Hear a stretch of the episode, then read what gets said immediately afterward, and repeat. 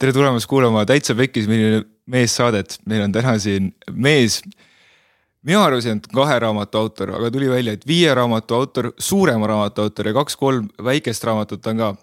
ta on koolitaja, biohäkker äh,, räägib suurtele auditooriumitele kuidas biohäkkida, kuidas oma tervise eest hoolitseda, kuidas oma und optimeerida, kuidas oma elu optimeerida. ja kõigele lisaks äh, tema tegemisi jälgib siis üle maailma kokku üle kahesaja tuhande inimese. see on täiesti uskumatu mees Saaremaalt. Ettevõtja äh,, treeningupoiss, sa näed tohutult hea välja. Äh, ja mul on tohutult hea meel, sa tulid siia. Kuidas oli elu siis Saaremaal, kuidas oli üles kasvada Saaremaal?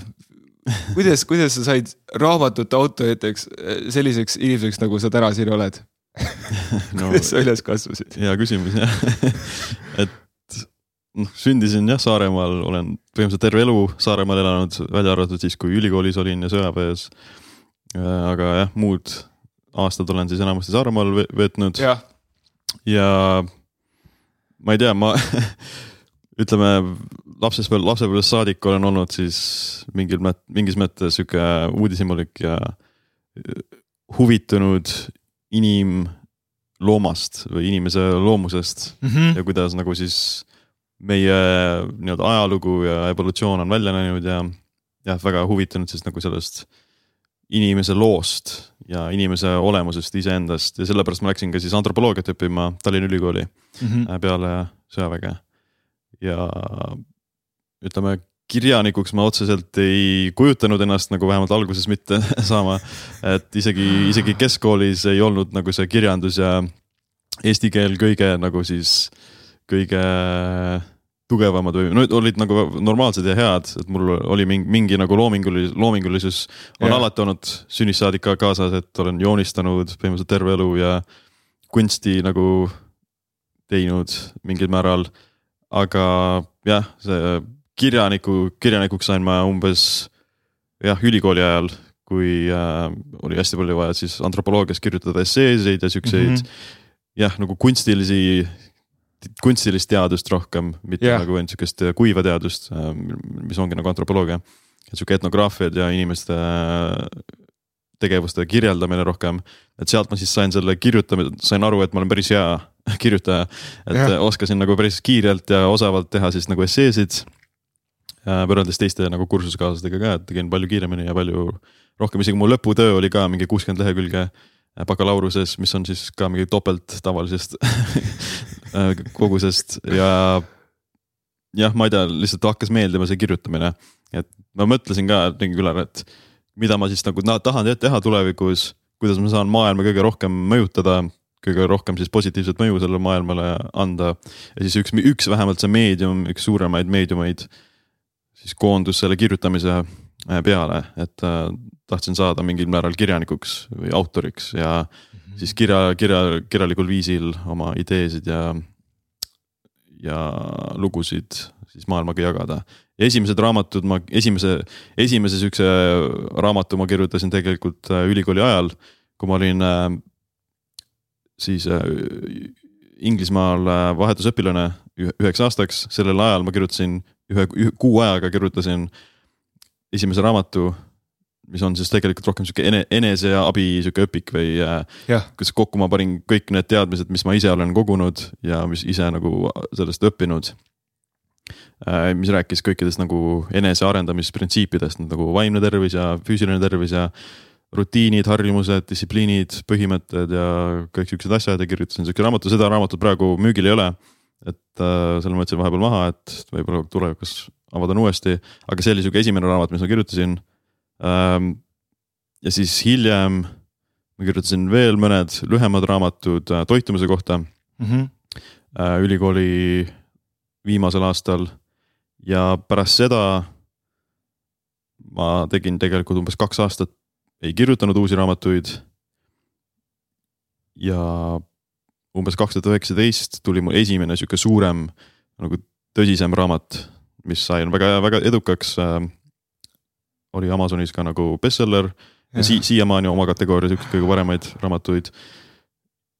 kaks tuhat kakskümmend kirjutasin teise raamatu ja kaks tuhat kakskümmend kirjutasin tegelikult ühe raamatu veel, et nagu kolm, kaks raamatut ühes aastas mm. -hmm. aga see kolmas raamat oli äh, kaas, kaasautor oli äh, üks Ameerika uurija ja doktor nii-öelda, doktor James de Nicol Antonio. kirjutasime koos ühe raamatu. siis kaks tuhat kakskümmend üks kevadel tuli temaga veel üks koos kirjutatud raamat välja. ja siis kaks tuhat kakskümmend üks lõpus, just enne uut, uut aastat tuli ka kolmas koos, koos autor mm -hmm. kirjutatud raamat. Sa räägid nagu see oleks nihuke muuseas, ei no me kirjutasime raamatu ja siis noh, kuule õpetasin ülikooli viimasel aastal, kirjutasin veel ühe ja noh kuidagi, kuidagi tundub täiesti uskumatu, sest siis ma arvan, et igal inimesel on peas olnud mingi hetk, et et minu elu ja minu teadmised on ikka nii, nii nagu suurejoonelised, et selle peab kindlasti raamatusse panema mm. -hmm. minu vanaema kirjutas ka siis äh, enda elust, äh, kirjutas raamatu, kirjutas seda neli aastat ja ta päriselt, ta ei jõudnudki seda lõpetada, sest ta enne, enne seda tuli noh, vähk võttis üle, on ju, et mm -hmm. tuli surm enne peale, et mind väga huvitab, kuidas, kuidas, kuidas sul on see niisuguse järjepidevus ja, ja sihikindlus mm. -hmm. et kust see tuleb, et kas, kas sa juba lapsena olid see, et, et noh, et et a la võtsid mingisuguse, et kui joonistama hakkasid, et siis sa enne ei lõpetanud, kui see auto oli perfektselt valmis või et, või et, või, või et või kas see tuli kuskilt spordist või ma võin siin oletusi teha, et mm. no ma ei, ma ei olnud nagu mingi sihuke väga nii-öelda siis võistlushimuline või äh, competitive ma ei olnud ja? lapsena et.... aga sa olid üksiklaps või? ei, mul väike vend ka, kaks aastat noorem, et äh, mingil määral mul oli natukene jah, sihukest nagu sihikindlust lapsena ka. et äh, või nagu jah, sihukest soovi nagu siis teha asju hästi või ma mõtlen, mu vanemad nagu õpetasid küll, et. et tee tööd ja pingut, pingut, pinguta ja, ja jah, nagu tee siis asju sihikindlalt, sihikindlalt. aga nad kindlasti, nad ei olnud kunagi nagu siis mingid sundivad või midagi, nad olid alati, et tee seda asja, mida sa ikkagi armastad ja mida sa tahad teha et Aha. nagu keskenduda rohkem nendele asjadele ja siis seda ma olen nagu mingil määral järginud ka. aga jah, et nagu see mingisugust jah, nagu hea, häid rutiine aitasid küll mingil määral õpetada lapsena. et äh, koolitööd siis teha mingi korralikult ja õigel ajal ja, ja et nagu töö enne ja lõbu pärast, siuksed, siuksed printsiibid mm. -hmm. et need olid kindlasti olemas. aga ma arvan, et mul väga siis lapsest saati oli sihuke oskus siis minna sellesse flow, flow äh, seisundisse. kus, right. kus, kus sa oskad nagu siis äh, selle tegevuse, tegevusse nii sisse minna, et äh, sa oled siis täielikult sees ja muud asjad nagu siis kaotavad oma tähtsuse ja oled seal lihtsalt selles tegevuses sees ja oskad siis väga pikka aega seal veeta, et sa ei kaota siis oma seda tähelepanuvõimet ära ja oledki siis nagu täielikult selles fookuses ja mitu tundi järjest, et mul isegi kui ma kirjutan raamatut, ma olen tavaliselt, kui ma olen siis selles raamatu kirjutamisprotsessis, siis ma kirjutan tavaliselt kuskil viis kuni kuus tundi päevas mm. -hmm. ja noh, vahe noh, mingi neli tundi järjest vähemalt, siis teen mingi pausi ja siis pärast natuke veel umbes. et jah, mul on väga lihtne olla siis selles nagu töö mm -hmm. vaimus või tööseisundis ja flow seisundis enamus päevast, et mul, mul, mul nagu see väsimustunnet nagu eriti ei teki sellest, et see on tegelikult mulle annab päris nagu noh, nauditav. kindlasti on nagu mingeid hetki, kus on, tekib sihuke natukene tülgastus või äh, frustratsioon, aga see on ka sihuke nagu oskus, mida sa saad siis parandada ja see on mingil määral siis aju treenita, treeni, treenimise küsimus mm. -hmm. et sa saad oma aju treenida nii, et sa siis oledki rohkem keskendunud ja fokusseerunud ja oled siis, sa saad ka treenida oma aju siis minna sellesse flow seisundisse palju paremini Äh, ja vastupidiselt, sa saad oma aju treenida siis ka olema distracted ja kaotama tähelepanuvõimet kogu aeg ja muutuda ja. siis nagu ebamotiveerituks. Äh, see on kõik on nagu siis neuroplastis-, neuroplast-, plastilisus mm. -hmm. et su aju pidevalt siis muutub ja moondab ennast äh, vastavalt sellele, mis signaale sa sellele ajule saadad, et mis tegevusi sa teed, mis mõtteid sa koged, mis emotsioone sa koged, mis stiimuleid sa endale sisse lased, et kõik need mingil määral mõjutavad seda aju tegevust, neid aju siis mustreid ja mida rohkem sa teatud mustreid käid, seda harjumuspärasemaks nad muutuvad, et kui sa oledki siis harjumuspäraselt fokusseerunud ja flow seisundis ja oskad äh, tööd teha või oskad siis nagu pikka aega selles tööseisundis olla, siis see muutubki nagu nii lihtsaks ja harjumuspäraseks, sest su aju sõna otseses mõttes muudab need seoseid, neid, neid seoseid tugevamaks. Ja vastupidiselt, kui sa siis õpetad endale pidevalt mitte tegema neid asju ja, ja isegi endale nagu mingil määral valgeid valesid tegema ja mm -hmm. vabandusi tegema ja kõik need asjad muutuvad harjumuseks. et ongi, et kui sa võtad, teedki nagu siis, teed nagu vabandusi või otsid nagu ettekäändeid, mis iganes, siis need samad asjad muutuvad ka harjumuseks. jah, et mida rohkem, mida rohkem sa seda neid teed, seda, seda harjumuspäraseks see muutub ja seda aju on tegelikult no võimalik alati muuta aga jah, mida, mida nagu siis harjumuspäraseks mingi asi muutub, seda raskemaks on seda muuta. et praegu mul on isegi nagu üsna raske mitte olla selles flow seisundis, kui ma tahan et äh, see nõuab nagu, ma võin olla isegi jah, kuskil nagu rongis või kuskil väga mürarohkes keskkonnas ja ma saan ikkagi nagu kirjutada ja tööd teha, et mul ei ole vaja sihukest mulli või kindlasti ideaalis oleks jah, nagu teha tööd kuskil kodus Saaremaal looduses ja nõnda. aga see ei ole otseselt nagu vajalik, et on võimalik no treenida oma aju siis nagu. jah, nagu ma arvan, et idee on selles, et sa saad nagu siis kõike saavutada sa saad oma ajus kõike muuta ja oma harjumusi ja kõiki oma käitumist muut, muuta. Äh, see nõuab lihtsalt natuke aega mm -hmm. ja järjepidevust.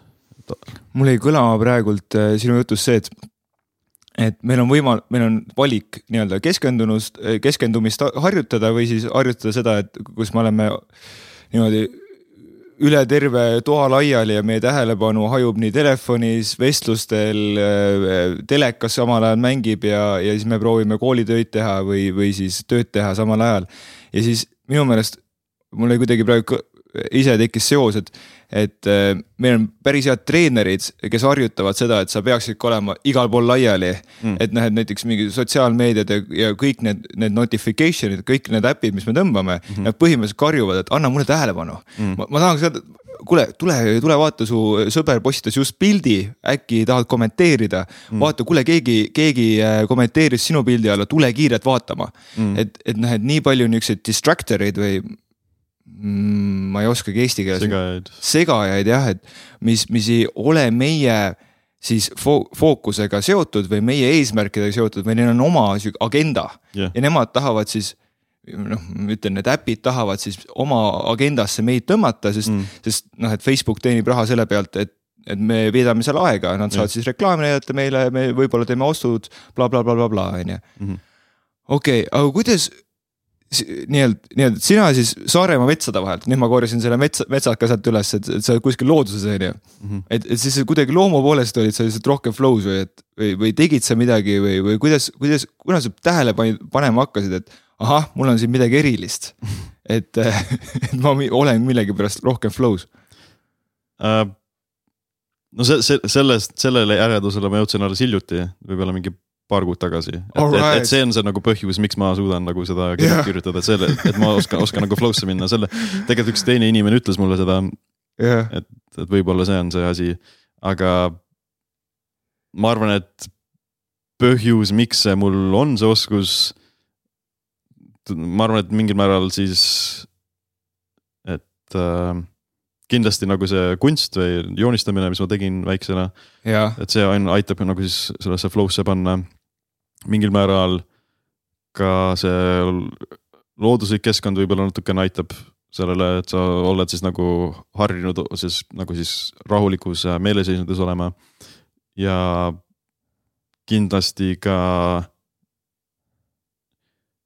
kindlasti ka nagu siis äh, oskus või äh, võime olema siis ka üksi või mitte siis selles müra keskel mm. -hmm. et äh, väga paljud inimesed nagu kardavad ka enda seda iseenda nagu mõtteid, iseenda mõtteid ja, ja neid äh, asju, mis käivad ja nad tahavad neid vältida, tuues sisse siis hästi palju neid segavaid faktoreid ja, ja isegi lihtsalt teisi mhm. inimesi, et nad, nad kardavad seda üksi veetmise aega.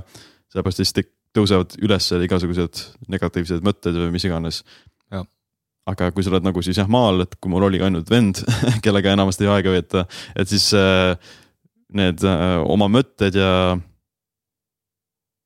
ja jah, lihtsalt nagu siis enesepeegeldused, need olid palju paremini võimelised siis pinnale tõusma, ilma et nad oleks siis hakanud muutma, ilma et ma oleks siis üritanud nagu neid vältida mm. -hmm. ma arvan, et see on ka lihtsalt nagu hea oskus, et ei olnudki siis nagu nii palju teisi inimesi kogu aeg, kelle, kelle, kes siis oleks nagu hakanud minu seda mõttepilti segama või tooma juurde nagu siis lisaasju, mille üle mõelda. Et kui sa oled üksi, siis sa saadki nagu olema rohkem enesepeegeldunud ja kindlasti nagu rohkem eneseteadlik mm -hmm. ka kui sa, kui sa peaks flow state'i kirjeldama äh,, ma olen, mina olen juhtimist ja ettevõtlust õppinud EBS-is ja siis meil oli üks kursus oli meil flow state'ist mm -hmm. täiesti eraldi, et kuidas, kuidas juhina meil oli terve mingi simulatsioonimäng mingisugune väga keerulise nimega Poola professor oli selles mingisuguse, kes mingisugune mm. flow Mihhaili Csikszent Mihhaili no täpselt, ma ei hakka seda. ta oli Austria või Ungari tegelikult jah. Austria, okei okay. pooled faktid valesti, aga keeruline nimi sellega saime. et tema oli siis mingi mängu teinud ka, kus me juhtisime mingisugust äh, winery't või siis veiniistandust ja et kuidas inimesi siis flow state'i viia ja see oli väga põnev mäng, aga ma lõpuni päris, päris nagu oligi nagu justkui nagu mingi, justkui nagu väike ime oli, kuidas, kuidas flow state'i minna, et see on nihuke, et kõik asjad peavad kuidagi kokku langema mm. Või kuidas, kuidas sina siis äh, mm. flow state'i, kui sina natuke rohkem oled selle kohta uurinud kindlasti mm.? no ma olen ta raamatuid lugenud, et see oli jah, väga üks hea raamat, mis aitas seda protsessi siis nagu lihvida ja. väga hästi ja tal väga paljud erinevaid raamatuid siis loomingulisusest ja flow state'ist. ja nagu definitsiooni kohaselt on flow, flow, flow seisund siis seisund kus äh, sa oled selle tegevusega, mida sa teed, täielikus nagu ühenduses või sa oled selle poolt täielikult äh, imandatud. et sa ja. oled selle tegevuse sees, muu maailm, väljaspoolne maailm kaotab oma siis äh, tähtsuse, sa ei keskendu sellele nii palju, sa keskendud ainult sellele asjale, mida sa teed. ja sa kaotad ka ajataju teatud määral, sa kaotad mingil määral siis enesetaju äh,. mitte nagu kogu aeg, aga nagu mhm. hetkeliselt vahepeal mm ja, ja mingil määral siis äh, no see tingimused selleks on see, et see tegevus ei tohi olla üleliia raske mm -hmm. ja mitte ka üle ja mitte ka siis igav. see peab ja. olema siis selle ärevuse ja igavuse vahel, see siis nagu ongi sihuke, et sa oled nagu tead positiivselt siis selle poolt välja kutsutud. sa tajud seda siis raskusastet mm, -hmm. aga see ei ole nagu nii piisavalt raske et sa siis no see muutuks igavaks või ega, ega mitte ka nii raske, et sa siis loobuksid, et ja. sa ei tohi olla nagu mingi jah, sihuke mingi väga suure raskusastmega, aga see ei tohi ka olla lihtne, et see peabki olema siis kuskil vahepealne mm. -hmm. ja selle tegevuse käigus siis sa kaotad oma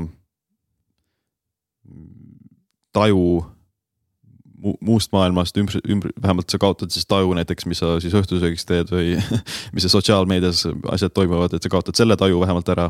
ja sa oledki siis täielikult selles tegevuses nii sees, nagu enamus inimesi on nagu seda kogenud mingil ja, määral, et äh, vähemalt mit-, mõnikord elus. ja seda seisundit saab siis tajuda väga erinevates äh, olukordades, spordis äh,, kunstis, muusikas, isegi inimestega rääkides, vesteldes. kohvi tehes, looduses olles võib-olla siis mingi nagu unistades, kõik need asjad on ka mingid flow, flow seisundid. Ähm, ja siis neid, kõikidel inimestel on erinevad trigger'id nendeks või siis äh, läkitajad sellele flow seisundile. et see flow seisundi võib tekitada mingisugune keskkond, mingisugune mälestus, mingisugune muusika, mis iganes ähm,. aga jah, see kõige tähtsam asi on siis, sa alustad seda tegevust.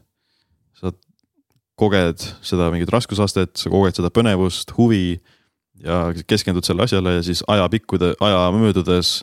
Äh, mida rohkem seda teed, siis nagu seda sügavamasse selles flow seisundisse lähed mm. -hmm. sa ei, ei, ei pruugi olla, et sa jah, mingi oled seal seisundis mingi neli tundi järjest, aga nagu hetkeliselt sa jah, kindlasti tuled sealt välja, aga momentaarselt sa siis kaotad oma selle ümbrit-, ümbritseva maailma taju ja sa oled siis täielikult selle mingil, enamus inimesi kirjeldavad seda, et sa oled nagu siis sihuke õnnelikkuse seisund või äh, mitte nagu otseselt õnnelikkus, vaid aga sihuke nagu bliss või äh, rahulikkus ja sihuke, sa oled selles seisundiga, selle seisundiga mingil määral nagu ühes, ühte nagu siis sulandunud mm. -hmm. sa ei taju selle nagu seisund, selle ja siis tegevuse ja sinu enda vahel nagu väga suurt erinevust, et kui see mingi muusik mängib pilli või mis iganes, siis ta on nagu mingi selle instrumendiga ka kokku sulandunud mingil määral. ja, ja mul praegult tekkis ähm, tekkis mingi seos, et, et arvutimängud tegelikult on mm. ju mhm. loodud kuidagi sinna, et, yeah, me viime. arvutimängud on ka flow state'is jah. jah, ja isegi ma nüüd vaat-, mina olen nüüd Manifesti vaadanud liiga palju.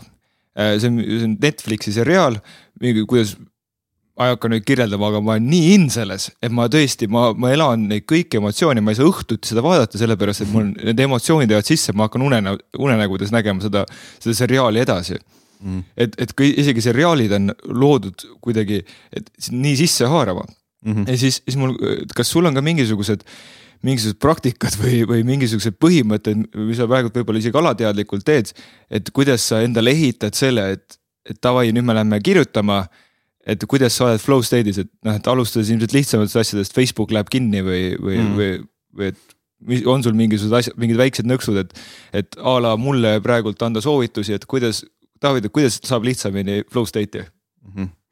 Mm. nojah, sa pead, kindlasti see keskkonna optimiseerimine keskkonna siis noh, lihtsamaks tegemine või mugavdamine teeb Aha. selle asja lihtsamaks, et sa kui sa oled jah, näiteks alguses, alguses on jah, kui see harjumust ei ole nagu nii, see harjumus ei ole nii tugev või need ajurajad ei ole nii tugevad, siis sa peaksid tegema selle asja endale võimalikult lihtsaks mm. -hmm. et siis seda harjumust tekitada okay.. et see, seal ongi see raskusastme värk, et kui see on liiga raske, siis sa loobud. et aga kui sa alustad nii, et sul ongi kõik asjad kinni, muud asjad, sa kuulad oma lemmikmuusikat, jood kohvi võib-olla äh, oled mugavas toolis, siuksed asjad, et äh, ja. need teevad asja nagu mingil määral lihtsamaks äh,. no praegusel hetkel mul äh, ainus asi, mis mul on vaja või kõige noh, opti-, kõige optimisa-, opti-, kõige optimaalselt oleks mul lihtsalt jah, olla seal arvuti ees, kuulata muusikat ja teha, et noh, see, ma võin teha seda jah, kas siis kuskil hotellitoas või äh, kodus, et nagu seal mm. nagu suurt vahet pole, et ma saan seda teha ükskõik kus peaaegu. Äh, et kõige tähtsam ongi lihtsalt mingil määral sinna olla, olla arvuti ees ja hakata tegema, et see mul, mul nagu endal on siis see nagu tegevus ise on see trigger, et kui ma alustan seda tegevust, siis see söödab sedasama nii-öelda protsessi, et mm -hmm. see flow muutub aina paremaks, mida rohkem ma seda tegevust ise teen. aga alguses jah, kindlasti mingid erinevad siis erinevad äh, väike pisidetailid, et kas siis mõnedele meeldib kohvi juua, võib-olla see paneb neid flow state'i äh,. mingi, mingi teatud muusika aitab mm -hmm. flow state'i minna. mingi keskkond äh,, siuksed asjad, et peab ise nagu aru saama, mõtlema, mis need, mis need flow trigger'id on. aga nüüd ideaalis ei tohiks olla siis nagu nendest äh, trigger itest ka äh, sõltuvuses, et sul ei oleks vaja siis oma seda kohvi juua selleks, et minna flow state'i. Ähm, vähemalt minul, ma, ma ise ei tahaks olla selles seisundis, kus mu see flow state sõltuks äh, kofeiinist või, äh, või mugavast padjast, mis iganes mm -hmm. või tekist või mis iganes, et ma tahaks ise olla siis sihukeses staadiumis, kus ma saan seda flow state'i ise, ise soovi, soovi kohaselt tekitada Mm -hmm. aga alguses on kindlasti jah, teha see asi endale võimalikult mugavaks. Äh, on, ma kindlasti väldin nagu mingit sotsiaalmeediat, panen oma telefoni siis häälete peale või äh, airplane mode. Äh, ma ei, sean endale mingisugused reeglid küll, et ma ei lähe Facebooki, ma ei lähe emaili check ima. ma jah, ei lähe neid asju tegema, mis seda flow state'i siis äh, takistaks mm. -hmm. või seda, seda keskendumist ka siis segaks et ma ikkagi loon selle keskkonna võimalikult äh, optimi-, optima-, optimaalseks. ja kindlasti aja, päeva ajahetk võib ka äh, mõjutada right,, yeah. et nagu osad inimesed on paremad hommikuti, teised on hil hilisemalt. mulle isiklikult meeldib asju teha hommikul, äh, peale mm -hmm. ärkamist ma lihtsalt hakkan töötama või kirjutama, et siis ma mhm. saan sellega ühele poole. ja mul nagu hiljem päeva, päeva hilisemas pooles võib-olla tekitab rohkem sihukest jah, et ma tean, et ma pidin seda tegema, aga ma ei ole seda teinud, siis see võib ja. nagu mingil määral rohkem seda frustratsiooni tekitada natukene, aga võrreldes sellega, kui ma teen hommikul kohe ära, siis mul see asi nagu ühel pool ja ma saan päev, hilisem, päeva hilisemal poolel ma saan siis keskenduda teistele asjadele nagu iseenda eest hoolitsemine ja trenn ja mis iganes ja muud tegevused. kusjuures sa ei ole mitte esimene inimene, kes, kõik minu meelest need, kes asju teevad, Marko Olo näiteks ja teised siin, Indrek, Indrek Põldvee rääkis ka sama juttu, et kõik, kes midagi nagu korda saadavad minu meelest, need räägivad alati sama, et ah, ma teen hommikul kõige raskemad asjad ära või noh, need asjad, mis ma pean ära tegema. et siis ülejäänud õhtu on vaba, et ma saan, ma saan midagi muud teha, mida ma tahan, on ju. et noh, et muidu tuleb mingisugune, et keegi hea inimene kutsub sind näiteks äh, õhtusöögile mm. ja siis, siis noh, et muidugi lähen või noh, mingi tüdruksõbraga näiteks läheks, läheks kinno, pakub välja, noh muidugi lähme, noh, noh, me ei saa ju raamatut kirjutada siin, aga hommikul on tehtud, see on hea, on ju mm ja teine asi, mis mul nüüd välja koorus, on see, et mida, mis mina vahepeal fail in, et, et noh, et mul on umbes mingi to do list ja siis mul prioriteete pole. ja siis, siis ma niimoodi panen endale hea mussi, teen kõik olemise heaks, panen kõik asjad kinni ja siis ma jään sinna kuidagi nagu pendeldama nende asjade vahel, et mul ei ole nagu selget eesmärki, et mida ma siis ära teen. et sul tundub, et selge, et, et noh, et sul on väga selge eesmärk, et ma hakkan raamatut kirjutama, et siis, kui sa maha istud et siis, siis hakkadki sellega peale ja saad nagu kulutuli, saad toituda sellest heaolust mm.. et näed, vaata, et üks lehekülg on jälle kirjutatud, hea point sai jälle kirja mm. või noh, et, et see väga oluline topik sai tehtud ja siis sa toidab ju mingit õnne, õnnehormoone põhimõtteliselt on ju. ja no õnne õnnehormoone otseselt mitte, aga väga hea, et sa oled sina siin, fact check, nii, mis, mis siis toimub, eduelamus tekib jah, no see, no sa saad rohkem sellele nagu dopamiini. dopamiini. et see on nagu see okay. au, autasuhormoon. et, et see jah, siis annab sulle selle positiivse tagasiside, et ja. see asi, mida sa teed, siis on sinu subjektiivse maailmanägemusele siis kasulik, et sa, sa, sa nagu saad aru, et oh, see on see asi, mis mind viib sellele eesmärgile lähemale, et, et see siis on see nagu positiivne tagasiside silmus. et sa siis teed seda tegevust, sa näed neid positiivseid tulemusi. see annab sulle seda positiivset tagasisidet, see tõstab su seda dopamiini taset. ja see dopamiin siis ka mingi aitab seda flow seisundit äh, toota. Ja see ongi siis nagu, mida rohkem sul seda dopamiini on ja mida rohkem flow'd on, siis paremini sa saad seda flow'd uuesti edasi jätkata. on ju, nagu tuli noh. jah, et see dopamiin ka siis nagu mingil määral on nagu palju erinevaid funktsioone, aga üks nendest on ka siis see, et sa siis aitab sul siis äh, aru saada, mis asjadele keskenduda. et isegi stress, kui sa koged nagu stressi, see tõstab ka tegelikult dopamiini taset. et see lihtsalt nagu tõstab su ajule nagu annab märku, et oh, see on asi, millele sa pead tähelepanu pöörama. Sellepärast, et see on kas siis elule oht, elu, eluohtlik või nagu hädavajalik või siis kõik, kõik nagu muud ka ellujäämiseks vajalikud asjad tõstavad dopamiini, et siis äh, seks, toit mm, füüsiline tegevus mingil määral mm -hmm. tõstab väikses koguses, päikesevalgus, et nagu need annavad kõik siis seda signaali, et see on, see on hea, tee seda veel mm. -hmm. ja, aga seda saab ka siis subjektiivselt mingil määral äh, häälestada, et kui sa, kui sinu subjektiivses maailmapildis on see, et see kirjutamine, see paragrahv, mis ma kirjutan viib mind lähemale siis raamatu lõpetamisele ja see raamatu lõpetamine viib mind lähemale minu eesmärkide saavutamisele, siis see ka tõstab seda dopa-, dopamiini. aga kui sinu maailmapildis on nagu see arusaam, et äh, sotsiaalmeedia jälg-, vaatamine või Facebooki Messenger, et see on sinu maailmapildis tähtis, siis see tõstab ka dopamiini. Ja mhm. vastupidiselt, kui sinu maailmapildis on see, et Äh, näiteks Messenger on tegelikult halb, et see röövib sinu tähelepanuvõimet ja röövib sinu produktiivsust, siis see tegelikult otseselt ei tõsta dopamiini. sest sinu enda subjektiivses maailma vaates sa oled endale siis nagu selgeks teinud, et see ei ole tegelikult hea. või vähemalt nagu sinu enda, enda meelest ei ole see hea, et see on tegelikult ka võimalik häkkida seda, et sa saad iseendale, ise, iseenda aju mõjutada nii et otsustada, mis asi tõstab dopamiini, on kindlasti asju, mis, mida sa ei saa kontrollida, et nagu seks ja toit ja siuksed asjad, nad tõstavad nagunii dopamiini. aga siuksed psühholoogilised nähtused mm, -hmm. et need tõstavad dopamiini vastavalt sellele, kuidas sa oled seda oma maailmapilti äh, häälestanud, et erinevad muusikad ka, et kui sulle meeldib nagu teatud muusikastiil, siis see tõstab dopamiini aga kui sul teine muusikastiil ei meeldi, siis ei tõsta sellepärast, et su enda maailmapilt, see ei lähe sinu maailmapildiga nii-öelda yeah. kooskõlla. et siin, siinhulgas on see neuroplastilisus ja kõik need asjad ka nagu tegelikult väga tähtsad, et sa saad siis nagu äh, muuta seda, mis asjad tõstavad sinu dopamiini ja, ja enamasti need asjad, millele sa kõige rohkem tähelepanu pöörad ja mida sa arvad, et on tähtsad mm. -hmm. Need tõstavad kõige rohkem dopamiini ja mida rohkem need asjad tõstavad dopamiini, seda rohkem sa tahad neid asju teha. ja seda rohkem sa kipud neid asju tegema, sest see nii-öelda käitumused ja harjumused viivad sind tagasi selle dopamiini äh, laksuni. et sa tahad nagu alkohol ja narkootikumid, need toitu, toimivad ka nii, et sa oled neid tarbinud näiteks. sa oled saanud seda dopamiini sealt ja. ja see on siis ka nagu see mingi, mingil määral võib viia selle positiivse või negatiivse tagasisidemeni. mul tekkis siin ähm, kuul-, kuulates sinu, et sinu juttu, et davai, et paragrahvi kirjutad ära, see viib lähemale su eesmärkidele. Mm..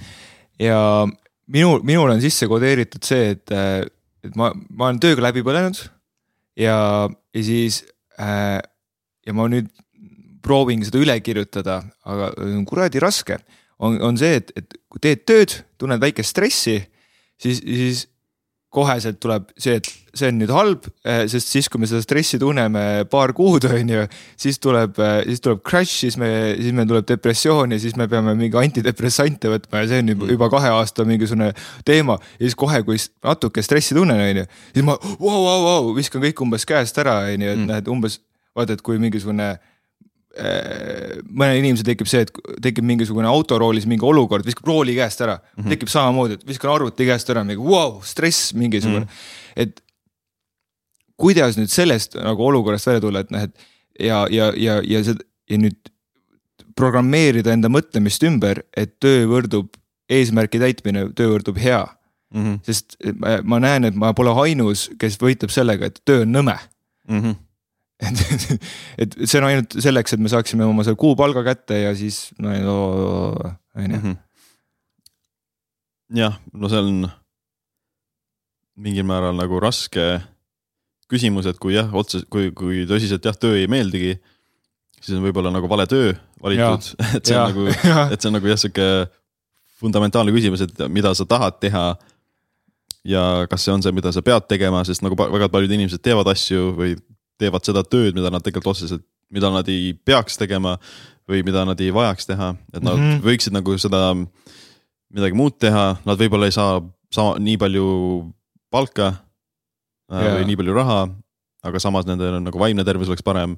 Nad oleksid õnnelikumad ja nii, et nagu sa pead, see on nagu mingil määral mõtlema, et jah, mis on sinu eesmärgid, mida sa tahad saavutada ja mis tegevused ja mis asjad siis on vajalikud selleks. vundament paika on ju. et see on nagu, nagu, nagu mingil määral jah, kuidas sa tahaksid oma elu äh, näha, missugune su elu oleks tulevikus, et äh, ja siis vastavalt sellele käituda, et mm -hmm. mis kohas sa tahaksid olla, kellega sa tahaksid aega veeta, mis sa tahaksid päeval teha, kui palju tööd teha, mis iganes, nagu jah, IT, see oleks ideaalne maailm, muidugi reaalses maailmas ei ole see alati võimalik. et inimesed mm -hmm. peavad ikkagi mingisugused ohver, mingeid ohverdusi tegema, mis on ka loomulik ja mingil määral kasulik, et kui sa oled alati siukses, sihukese mindset'iga, et ma väldin kõiki neid tegevusi, mis mulle ei meeldi. ja ma teen ainult seda, neid asju, mis on siis nagu, teevad mulle meelehead. Ja need ei, noh, selles mõttes see nagu on sihuke nagu see protestantlik tööeetika või sihuke asi, et sa ohverdad seda hetkeseisundit selleks, et su tulevik oleks parem. et see on ka mingil määral väga vooruslik või nagu väga kasulik mm -hmm. omadus, et see on nagu aitab siis seda kohest, äh, kohest äh, gratification'i või noh, seda kohest äh,, ma ei tea, kuidas eesti keeles on heaolu võib-olla. jah, kohest nagu seda ta, autasu, seda, seda, seda just. lükkad siis tulevikku natuke edasi, et seda on mingil määral kindlasti vaja. et aga kindlasti võib seda ka liiga kaugele viia, et sa töötadki kümme aastat kuskil tööl, mida sa vihkad siis lõpuks põled läbi äh, ja ikka ei ole oma eesmärgi saavutanud või mis iganes, et äh, see on mingil määral balansi ja ise, ise peab, ise peab nagu siis mõtlema ja väga palju siis olema enese peegelduslik nii-öelda, et väga palju mõtlema siis, kes sa oled ja mida sa tahad saavutada ja kuidas sa siis sinna saad.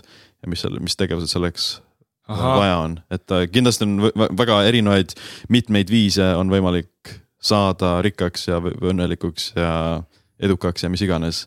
et ei ole üks kindel rada, mida kõik peavad äh, läbi minema, et Mhm. äh, on väga erinevaid radu sinnasamasse lõpp-punkti.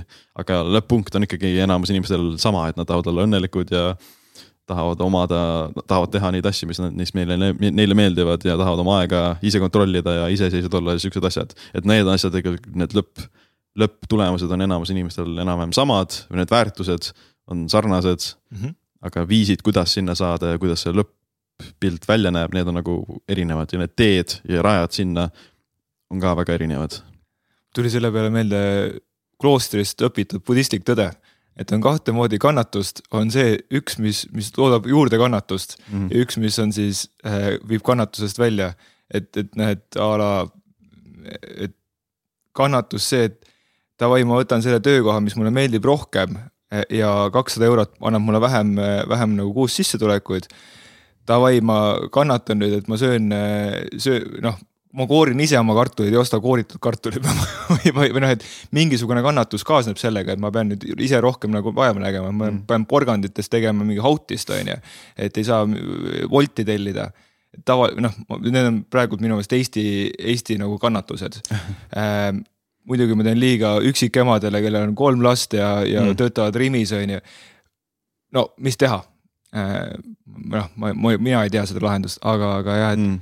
Et minul endal ma tunnen, et on väga lihtsad lahendused, et natuke peab kannatama, et hommikul Mm. mm. ketse jalga panna, et jooksma minna, see on väike kannatus, aga mm, -hmm. aga noh, et no selles mõttes ma vähemalt enda, enda kogemusest võin öelda, et või nagu jah, inimestele, kes vaatavad väljaspoolt või kes nagu alles avastavad näiteks minu tegemusi või äh, ükskõik kes, kellegi teise eduka inimese tegemised, jah, nagu see pilt on näha, et ohoh, et ongi väga õnnelikud või, noh, neil on vedanud või mis iganes. ja aga jah, kui vaadata nagu kõik see pro- protsessi selle, selle punktini, mis mul on, et seda, ma arvan, et enamus inimesi ei ole valmis või ei ole, ei ole suutelised sedasama protsessi läbima, et äh, täpselt.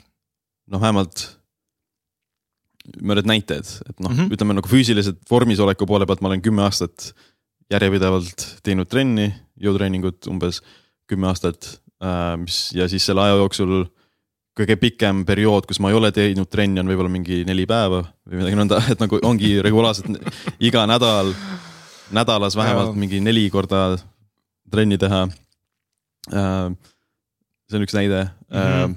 ja see ka hõlmab siis ka jah, vihmas jooksmist või mis iganes mm mm. mõnikord ja isegi trenni tegemine siis kuskil kell kaheksa õhtul, kui peale pikka tööpäeva või peale kooli on ainus hetk teha trenni ja isegi siis teed seda, isegi siis, kui sa oled väga väsinud, isegi siis, kui motivatsiooni pole, isegi siis teed ja mitu aastat järjest kogu aeg, aga see on samas, et mulle see lõpuks, alguses on kindlasti raske, aga lõpuks see muutub.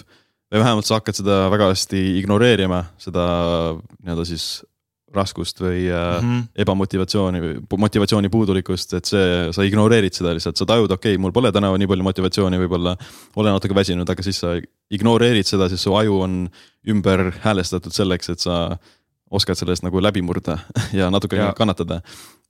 kirjutamise poole pealt, et ma hakkasin esimest kirjutama siis nagu ülikooli ajal ja kirjutasin jah, mingi iga päev mingi neli-viis tundi ja see alustasin siis umbes jah, mingi seitse aastat tagasi sellega või kuus, umbes nii.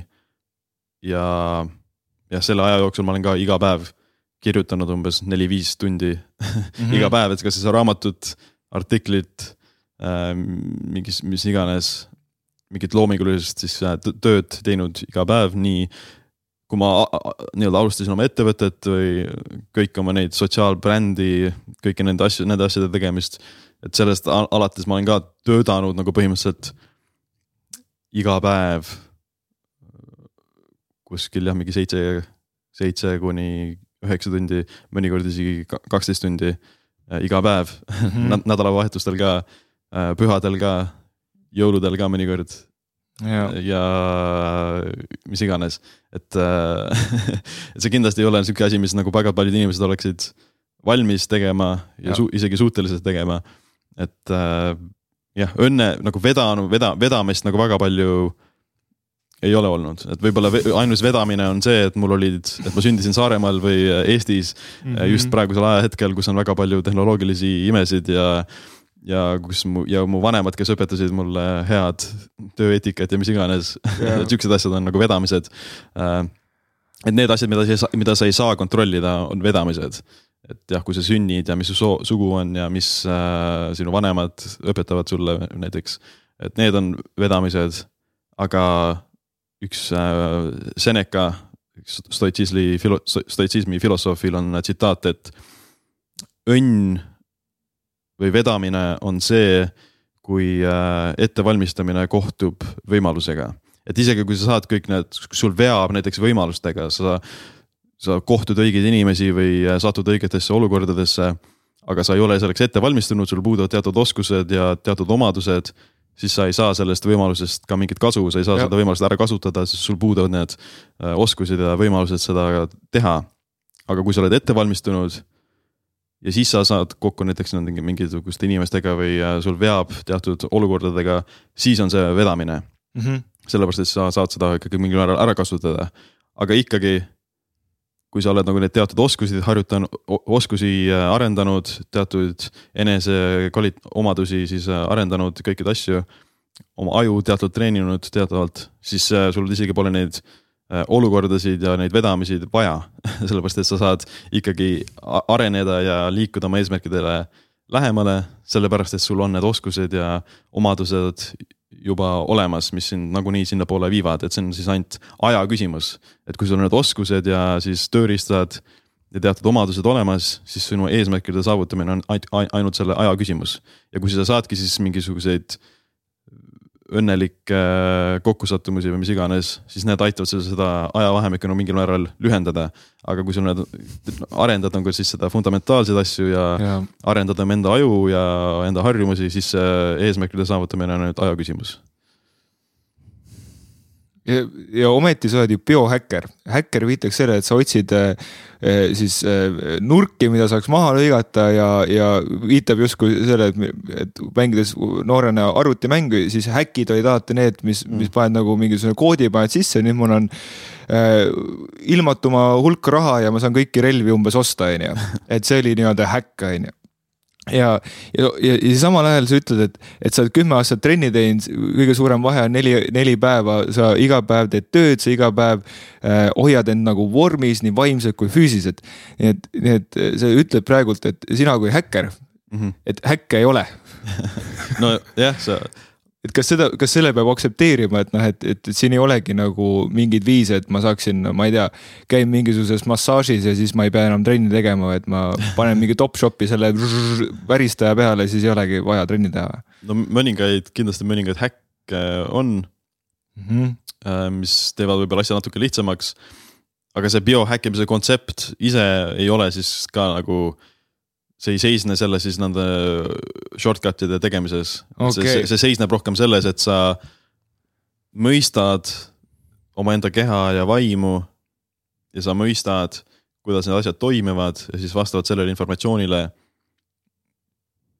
teed mingeid teatud tegevusi või äh, toitud vastavalt või võtad mingisuguseid äh, toidulisandeid või oskad oma aega mingil määral paremini siis äh, hallata, et mis iganes mm, -hmm. et mhm. nagu see on rohkem nagu siis mõistmise ja arusaamise kontsept, et see on nagu sa, see on nagu inim, inimkeha õpiku tundmine, et sa siis nagu oled selle inimkeha õpiku nagu läbi lugenud ja, ja siis oskad vastavalt sellele seda inimkeha siis äh, äh, toimima panna, et seal nagu shortcut'e tegemine ei ole nagu kõige tähtsam, et seal kindlasti mõned shortcut'id on, et ähm, noh, kindlasti mõned toidulisandid aitavad nagu mingeid shortcut'e teha, et ähm, mm, no ütleme näiteks mingi veresuhkru probleemid on, siis sa võtad mingid teatud toidulisandid, mis aitavad veresuhkrut, veresuhkrut alandada mm. -hmm. või mis iganes või kui sul on mingid puudujäägid toitumisest, mingi mikrotoitainete puudulikud, siis sa saad mingeid toitained ka võtta toidulisandist näiteks. et nagu mingid shortcut'i moodi asjad on, aga need shortcut'id ise ei ole siis äh, need asjad, et sa täielikult Äh, siis neid fundamentaaltegevusi äh, ei teeks, et need ja. aitavad siis nagu mingil määral asju lihtsamaks teha, aga nad ei ole siis äh, nad ei asenda, asenda neid äh, fundamentaalseid asju täielikult. mingi lihtne näide on see, et ma ei viitsi äh, talvisel ajal süüa kümmet äh, apelsini, ma võtan lihtsalt ühe C-vitamiini tableti umbes sisse või noh, piisava kogusega või et noh, no, mingi no ülelihtsustatult on ju. lihtsalt jah, ja ütleme nagu kindlasti on mingid häkid, kuidas teha näiteks oma trenni siis kestvust lühemaks, et sa ei pea tegema mingi kahe, kahetunnist trenni või pooleteisttunnist trenni, sa saad sama, samu tulemusi isegi pooletunnise trenniga kui sa oskad siis äh, manipuleerida näiteks äh, treeningi intensiivsust või äh, mm. või sagedust või siukseid asju, et sa saad kindlasti, sa ei pea jah, nagu ütleme, enamus inimene, tavaline inimene võib-olla teeb nagu noh, ütleme, kes jah, tavaline inimene, kes ei ole nagu haritud näiteks trenni tegemise poole ja. pealt, et nad käivad siis seal jõusaalis ka mingi viis-kümme aastat, aga nende keha on ikkagi sama. Nad ei ole mingeid tulemusi näinud, et ja. siis midagi on ikkagi valesti. Äh, nad teevad asju siis mitte tõhusalt võrreldes sellega, kes näiteks, kes käiks näiteks iga päev näiteks pool tundi näiteks või nelikümmend viis minutit, aga nendel oleks parem keha, et nad teavad, siis nad ilmselgelt teavad midagi, mis on siis parem mm -hmm. ja sealt võib leida mingi shortcut'i, et sa jah, saad seda nagu aja, aja ja äh, vaeva nägemise kogust ka siis vähendada, kui sa tead, mis on tõhusad asjad ja mis on efektiivsed. et äh, efektiivsus on, efektiivsus on siis nagu äh, selles mõttes, et need, nende asj-, efektiivsus siis kirjeldab neid asju, mis aitavad neid tulemusi saavutada, aga tõhusus on, et sa saad, kui, kui hästi sa midagi teed, sa võid väga hästi nagu mingit põrandat pühkida, et sa oled väga nagu tõhus põranda yeah. pühkimises, aga kas see ka efektiivne on, kas on efektiivne näiteks äh, toa üldises korrashoius näiteks? Yeah., et see on nagu teine küsimus, et sa on nagu eri, erinevad siis nagu aspektid selles. Väga mõistan sind, ma, mina olen täpselt see jõusaali vend, kes, kes läheb jõusaali, teeb mingeid suvalisi asju, et tunnen, et ma nüüd noh, et midagi tegin ja täpselt ei tea, on ju, mida ma tegin ja äh,, ja, ja su näide sellest, et, et justkui äh, see on inim, inimkeha ja loomuse õpik mm, -hmm. siis, siis mul on niisugune tunne, et, et, et vaata, et koolis me käime, noh, ma ei tea, mina olen nüüd käinud kokku vist seitseteist aastat koolis mm. -hmm ja, ja mina esimest korda kuskilt noh, mingi a la tantrakursuselt õppisin üldse ära, et noh, et davai, et, et kuidas, kuidas, kuidas üldse seksida niimoodi, et see ei oleks lihtsalt, et pamm-pamm ja siis tuleme, on ju. et noh, et ja see on, see on nii primitiivne asi inimeseks olemise juures on seksimine. või näiteks see, et sa räägid siin te, nagu mentaalsest tervisest. no kurat, matemaatika oli mul puhas viis mm. -hmm. jumala hästi tegin riigieksami ära, tulin välja mentaalsest tervisest ma ei tea mitte midagi. oskasin oskasin väga keerulisi võrrandeid lihtsustada, aga vot mentaalne tervis, et kuidas hoida enda, ennast äh, heade äh, nagu heas keskkonnas või äh, või üldse, et, et müra, niisugune informatsioonimüra on kuidagi mul üldse halb. äkki ma saan ju kakskümmend neli seitse äkki tööd teha, ma ei teadnud, et ma ei saa. ma ei teadnud, et mis, mis tähendab, et kui ma magan äh, seitsme tunni asemel magan neli tundi, et see võiks mulle kuidagi halvasti mõjuda. et mm., et ma, ma ei teadnud seda, ma tundsin seda, aga ma olin õppinud seda eirama oma tunnet, sellepärast ma olin harjunud, et matemaatikaõpetaja on mul klassi ees ja selgitab, kuidas, kuidas seda võrrandit lihtsustada mm ja see, kas mulle tundub, et ta teeb valesti või õigesti, see ei koti üldse mitte kedagi mm., sest tema teab. nüüd mina pidin enda tunnet kuidagi usaldama. ja nüüd on, nüüd on siis see, et, et, et nagu kompleksseid õpikuid tegelikult ei ole, mis oleks niimoodi, et punktist A punkti B, et, et noh, stoiku, stoistid on midagi rääkinud. noh, mingid lihtsad vooruse põhimõtted, neli vooruse põhimõtet vist oli stoist-, stoikudele on ju ja, ja siis, aga kuidas neid mõtestada? Okei okay,, lähme õpime filosoofiat, lähme õpime antropoloogiat. kuidas sina oled nagu need vastused kätte leidnud või on, või kas see ongi nii kompleksne, et noh, et seda ei saagi panna, et see ongi terve elutöö nii-öelda? Kuidas sa näed seda? kas nagu see inimkeha või? jah, mul, sorry, mul ei tulnudki küsimust tuli lihtsalt ränd, et, et, et hästi, meil on, ma justkui, ma rändin veel, et meil on justkui nagu inimkeha, meil sees on mõtted äh,, siin on see füüsiline aspekt, meil on mõtete osa, meil on mingid emotsioonid äh,. Kuskilt tuleb intuitsioon ja inspiratsioon ka, kust kurat need tulevad, see üldse ei saa aru, on ju. et kuidas, kuidas sina siis proovid nagu mõtestada seda, et ma saan aru, et see, et biohacking ongi põhimõtteliselt siis see nii-öelda nihuke silt jälle mingisugusele eh, sihipärasele tegevusele mm., et kuidas oma elu ja oma olemust optimeerida, et sul oleks parem siin vist olla mm. -hmm. mida, mis tegevusi sa teed, et või kuidas sa enda siis päevi sisustad, et, kuidas sa siis ennast uurid mm. antropoloogina näiteks või, või biohäkkerina või noh mm -hmm., mis iganes sildi all sa seda teed? jah yeah. uh,. nojah, kindlasti seal, kindlasti on seal nagu mingil määral pidev protsess jah, et nagu see on nii palju asju, mida teada ja neid teadmisi tuleb nagu mingil määral alati juurde mm. -hmm. Uh, millele siis, mida uurida eriti just nagu inimkeha ja bioloogia suhtes ja psühholoogia suhtes, et alati tuleb uusi teadmisi, aga mm.. ma kohe segan siin vahele, kas pigem siis uurid nagu, mis teadlased arvavad või pigem uurid justkui tehes katsed enda peal äh,? no, no mõne, mõlemat äh,. ma ei tee, ma ei tee nagu väga palju katseid, kui sellel ei ole nagu mingisugust teaduslikku äh, tõde taga, et nagu mingeid suvalisi katseid yeah. ma ei hakka tegema. et äh, ma jah, pigem uurin kõigepealt, mis siis uuringud ja teadus ütleb mm. -hmm. ja siis äh, katsetan, kas see, kuidas see mind mõjutab, kuidas ma tunnen ja kuidas mu sooritust parandab ja siukseid asju yeah.. et see on jah, pigem nagu minu äh, siis äh, operatsiooni järjekord et yeah. äh, loen väga palju, et see on jah, lugeda raamatuid, podcast'e kuulata, videosid vaadata, artikleid lugeda, teaduslikku uuringut, no minu isiklikult minu ainus praegusel hetkel minu nii-öelda siis õppimine ja uurimine toimib läbi raamatute kirjutamise.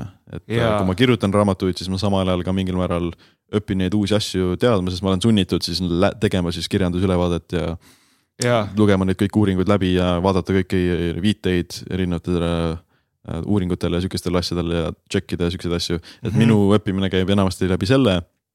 Äh, kindlasti ma kuulan väga palju ka podcast'e nendel erinevatel teemadel. Äh, aga jah, kui palju seda vaja teha on, sõltub jah jälle eesmärkidest, et kui sa oledki nagu nii-öelda professionaalne biohäkker või siis sisutootja sellel teemal mm, -hmm. siis sa mhm. pead rohkem teadma kui tavaline inimene ja sellele rohkem keskenduma. võrreldes sellega, kui sinu, tahad olla lihtsalt nagu heas, hea tervisega ja tunnen ennast hästi ja siukseid asju, siis sul ei ole vaja seda nagu pidevalt siis sellesse rabbit hole'i minna ka. et äh, kui sügavale sa sellesse rabbit hole'i lähed, sõltub sinu enda prioriteetidest ja eesmärkidest. et kui sinu, kui sul on tähtsam, natukene tähtsam siis äh, olla majanduslikult edukam äh,. siis, siis sa, sa keskendud rohkem sellele ja siis selle tervisele ja füüsilisele poole peale sa äh, pühendad siis ainult selle nagu minimaalse efektiivse doosi näiteks, et sa õpid ainult nii palju, kui vaja teada on, et selleks, et saavutada siis hea tervis ja hea vormisolek. et äh, selleks ei ole vaja nagu väga palju ja seal ei ole nagu sihukest suurt nagu mingeid väga müstilisi ja väga siukseid.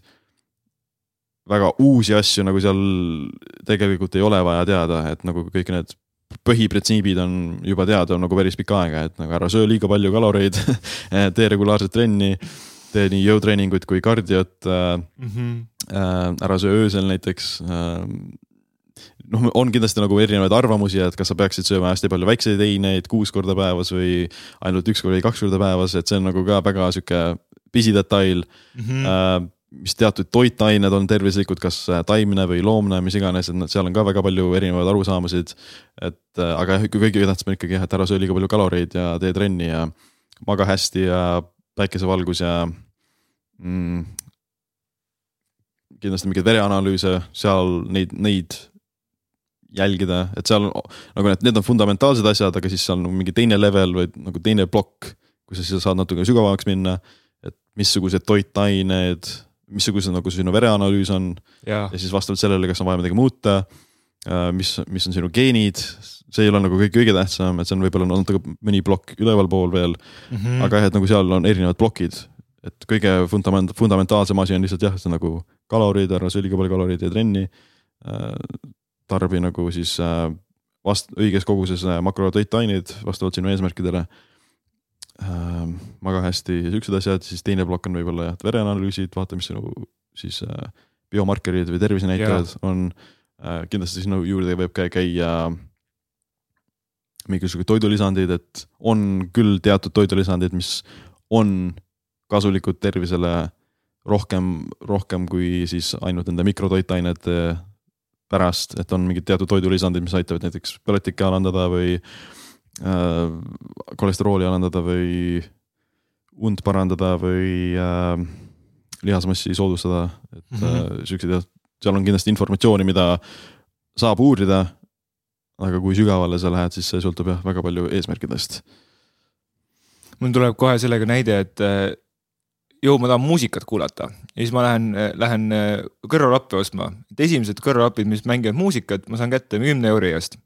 ja siis, siis nagu äh, ja siis mingi saja euro eest ma saan kätte siis see üheksakümmend protsenti kõige-kõige paremat nagu mm., et noh, niimoodi, et, et kuule, Spotify's kuulates ma mingit enam noh, paremaks minna ei saa.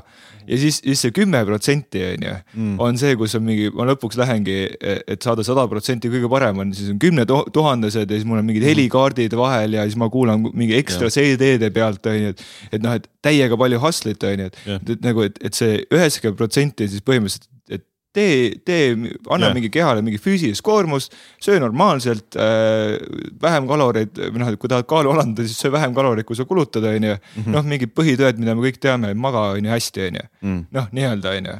Mhm. jah, no see on, see on hea nagu analoog äh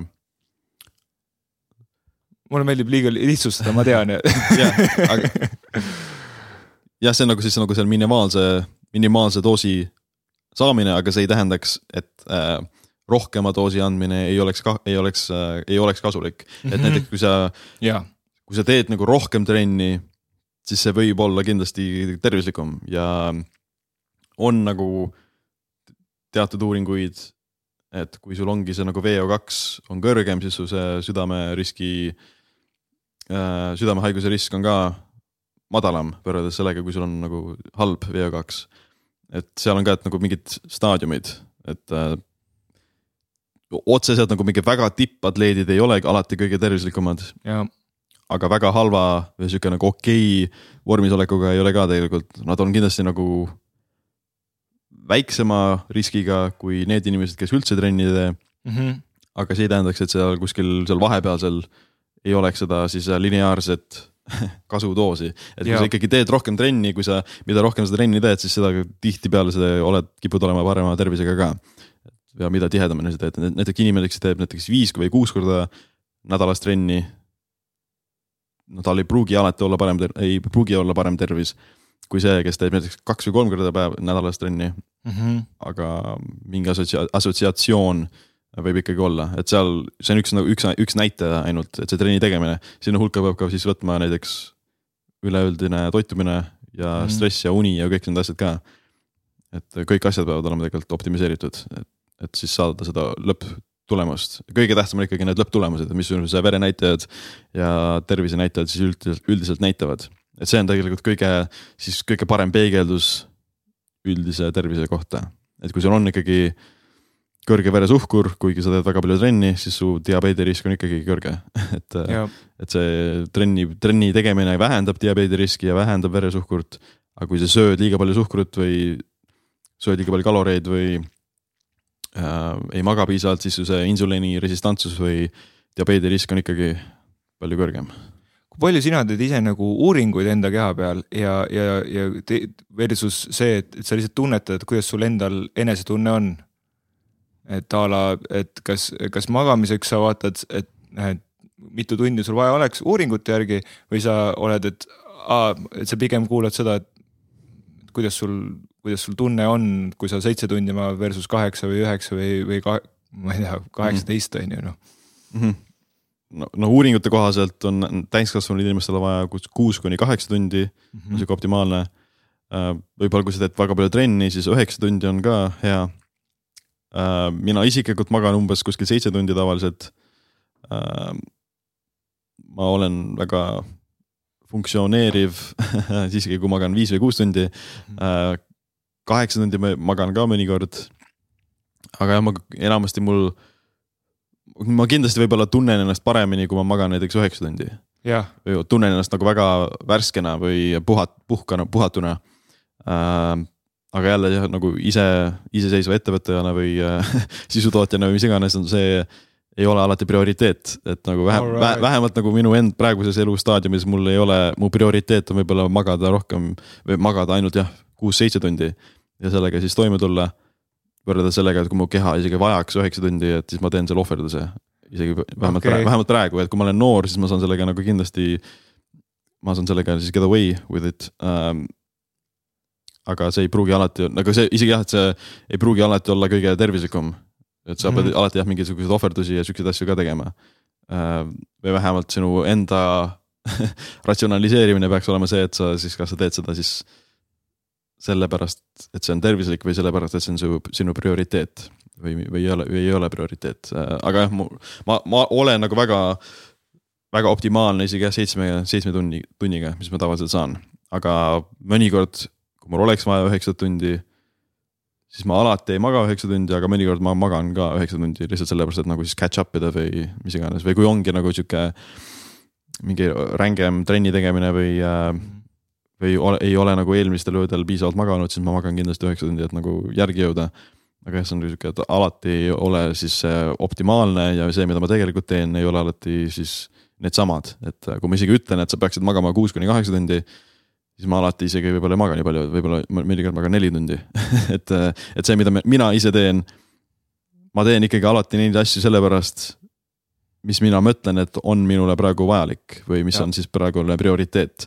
mitte see, et mis on alati optimaalne, et ma ei tee kõiki asju, mis on alati optimaalne, et näiteks kui oled sünnipäeval ja vanaema, vanaema sünnipäev või mis iganes ja antakse mingit kooki et isegi siis, kui see ei ole kõige optimaalne toit nii-öelda, see ei ole gluten free ja lactose free, mis iganes. ma ikkagi söön selle koogi, kuigi see ei ole optimaalne, aga see on ikkagi mingi teine, prioriteet ja. selles hetkes, et see jah. Sa vähemalt oled teadlik sellest mm -hmm. ohverdusest ja sa oled teadlik sellest prioriteedist, et see on, ma arvan, et kõige tähtsam. et sa võid teha nagu neid halbus, halbasid äh, otsuseid. aga kui sa teed neid teadlikult ja mõistlikult ja siis ratsionaalselt, siis on need okei okay ma arvan, et halbade mm -hmm. otsuste tegemine on okei okay,, kui sa teed neid teadlikult ja ratsionaalselt. võrreldes sellega, kui sa teed neid samu tegevusi ilma selle, selles positsioonis, et sa ei suuda seda kontrollida. või sa ja. ei ole selles üldse teadlik, et sa ei suuda oma seda alkoholi tarbimist piirata, aga sa ikkagi jood mingi liitri viina päevas et mm -hmm. kui sa teed seda ilma, kui sa teed seda nii, et sa ei suuda seda kontrollida, siis see on jah nagu probleem, sest sa ei, ei oska oma käitumist kontrollida. aga kui sa teed seda siis teadlikult ja siis otsustadki nii, et ma teen seda, siis on see okei okay,, sellepärast et sa oled nagu selle protsessi käigus eneseteadlik. ja siis tänu sellele sa mingil määral siis oskad, sa mingil määral suudad siis nagu seda neuroplastilisi, plastilisust ka kontrollida. et kui sa teed neid otsuseid, isegi kui need halvad otsused teadlikult, sa teadvustad endale, et okei okay,, see ei ole kõige optim-, kõige optimaalne tegevus. aga ma teen seda praeguses hetkes sellepärast, et see on mulle siis tähtis ja ma tahan seda teha. siis see mingil määral ei muutu ka harjumuseks või vähemalt on see potentsiaal on palju väiksem. Äh, võrreldes sellega, et sa ei, sa tead, et sa ei tohiks seda teha või et see on halb sinu jaoks. Ja sa ei taha seda teha, et see kõige tähtis, et sa ei taha seda teha, aga sa ikkagi teed seda. sa teed seda kontrollimatult, siis see muutub lõpuks harjumuseks ja halvaks harjumuseks, mis läheb siis nagu negatiivseks spiraaliks mm. -hmm. aga see ei tähenda, et ma soovitaks juua liiter viina isegi kui sa tahad seda teha. see on kuidagi nagu ma ise tunnen, et mina olen pigem siis see, et kui ma kuulen, et, et sa oled väga teadlik äh, ja teed nagu ohverdusi ja, ja mõõdad nagu und, on ju, siis mina tihtipeale see, kes a la ei pane äratuskella, et noh, et noh, vaatame, millal ma siis ärkan. ma, ma ei pane ka äratuskella, mul ei ole äratuskella, et ma jah, ma ise, ise ärkan nagu automaatselt kuskil. Right., et ma ei ole äratuskella, ma ei tea, kunagi ei kasutanud. Oh wow. ainult sõjaväes võib-olla. Oh wow, vot, vot siis, siis ma küll ei tea, kuidas ma pärast nelja tundi üles saaks, aga päris lahe. Okei okay,, et siis mul, siis, siis ma võtan selle pointi tagasi. aga jah, et aga, aga see enesekindluse point, et, et, et siis, kui me, ma teen teadlikult selle otsuse, et ma nüüd söön kooki ja, ja, ja muudel päevadel ütlen magusale ei, ehkki mulle magus väga maitseb, on ju, mm. siis ma iga päevaga kasvatan endale enesekindlust mm., noh, neuro toon uusi ühendusi yeah., ma nii targalt ei oska rääkida veel, aga toon, et kasvatan enesekindlust selle osas, et davai, et ma suudan ei öelda suhkrule Mm. ja siis, kui ma ütlen, teen vanaema rõõmu sellega Mm. siis, siis näed, ma ei, ma ei, ma ei reeda ennast või noh, Mhm, ma ei, ma jaa. ei alanda oma enesekindlust, mu enesekindlus on ikka suur Jah. et ma olen lihtsalt, et ma võin võtta ka ja ma Jah. tean, et ma jär- noh, et ma võin selle pitsi võtta, ma tean, et ma järgmist pitsi ei pea võtma. jah, jah, see on hea, et sa teed seda, seda nii-öelda siis, sa teed seda halba või mitte vähem optimaalset otsust, teades, et sa oled suuteline hiljem sellele optimaalsele rajale tagasi minema. -hmm. et sa jah, võtad selle pitsi või võtad selle koogi, teades, et sa ei söö siis tervet ülejäänud kooki ära nõnda, et kontrollimatult või ei joo seda ülejäänud, ülejäänud pudelit ära.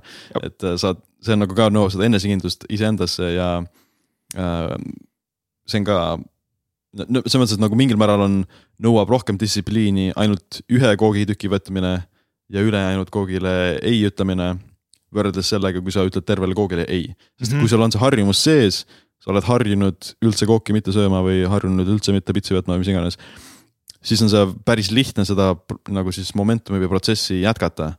et, et sa oled selles nagu hoos sees ja on väga lihtne nagu siis kõikidele asjadele ei öelda ja see, isegi kui see ahvatleb sind, sa suudad seda rada jätkata, aga kui sa jätad, võtad selle ühe ampsu näiteks Mhm. või ühe koogitüki, siis sa murrad selle nagu selle jada või selle momentumi murrad nagu hetkeks murrad ära ja siin on see punkt, kus nagu väga paljud inimesed siis nagu fail ivad ja nad lähevad selles otse nagu valesse poole üle, et nad siis võtavad selle ühe koogitüki ja siis söövad terve end üle koogi ära, vaid võtavad ühe küpsise ja söövad terve, terve paki ära, et nad ei suuda seda kontrolli, seda protsessi kontrollida. sellepärast neil ei ole seda enesekontrolli nii palju. ja nad on võib-olla siis ka mingil määral nagu nii palju ennast tagasi hoidnud, et kui nad siis lõpuks saavad selle doosi kätte, siis nad nagu plahvatavad täielikult, nad kaotavad täielikult kontro- kontrolli mm.. aga võrreldes sellega, kui sa teedki selle eneseteadlikult ja oled saavutanud teatud määral seda enesekontrolli, sa võtad selle ühe küpsise, võib-olla võtad kaks veel, aga siis rohkem ei võta näiteks. et, et sa mingil, mingil hetkel suudad selle siis ikkagi tagasi sellele õigele rajale minna, et see on kõige tähtis, kõige tähtsam, et sa suudad selle, suudad siis sellest ebaoptimaalsest äh, rajast tagasi minna sellele õigele rajale. mul tuleb kohe sellega justkui nagu sisekõne, sisekõne küsimus me, Mm. pähe, et justkui, et näiteks, et äh, ütleme, et ma, ma ei võta üldse viina, võtan ühe pitsi ja ma, ma hakkan ennast juba kiruma, et kurat, aga nagu oli jutt, et ma ei võta ühtegi pitsi ja nüüd läheb nii nagu alati ja nagu Mm. kurat, ma nii noh, et ma olen juba läbi kukkunud ja ma selle ühe pitsi võtsin või ühe koogitüki mm.. et nüüd juba vahet pole mm, vaata tekib, ma, ma nii süüdistan ennast ja siis ma nüüd hakkan juba enda valu niimoodi äh, noh, oma kurbust ja valu ja oma Mm. meeleheidet hakkan sinna pitsi nagu uputama. mm. -hmm.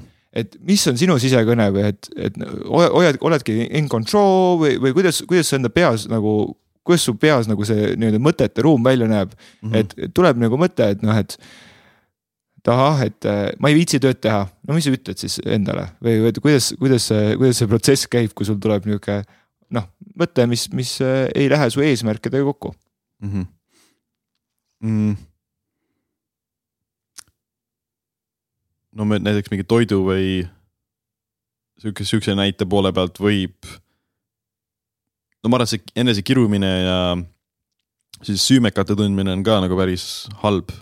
ma arvan, et see lihtsalt ähm, tekitab sihukest nagu halba e- suhet iseendaga, et siis hakkad iseennast nagu ka ne neema või jah, kiruma endast, et äh, ol- oled ja siis võib-olla tekitab ka mingisuguseid halbu siis enesenarratiive, et sa oledki nagu väärtusetu või sihuke luuser. ja sihuke nagu mõttetu, et ei oska ennast kontrollida, siuksed asjad, et need on ka siuksed asjad, mis tulevikus hakkavad siis tagasi tulema. et need loovad sinu enesepilti.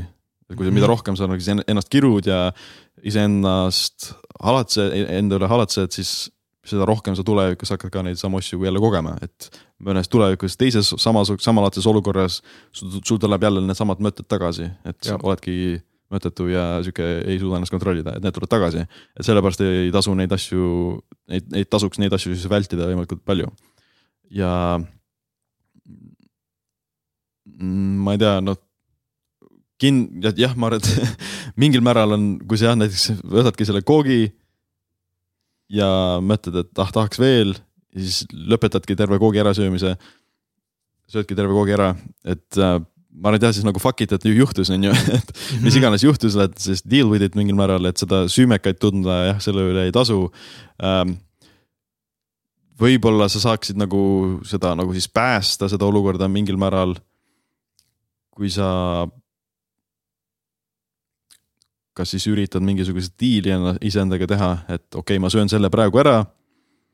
aga näiteks homm-, järgmine hommik ma jätan hommikusöögi vahele või mis iganes või mm -hmm. lähen teen rohkem kardiot hiljem äh, või ülejäänud nädala ma ei söö üldse kooki või midagi, et mingisuguseid diile saab teha iseenda, iseenda alateadvusega et äh, need on kindlasti siis nagu läbirääkimiste küsimused ja mm -hmm. kindlasti saab nagu neid, seda olukorda saab nagu mingil määral päästa mm.. aga jah, kunagi nagu neid süümekaid, ma arvan, neid ei tohiks äh, tunda. ja kindlasti tasub siis ka mõelda nagu miks, miks see juhtus.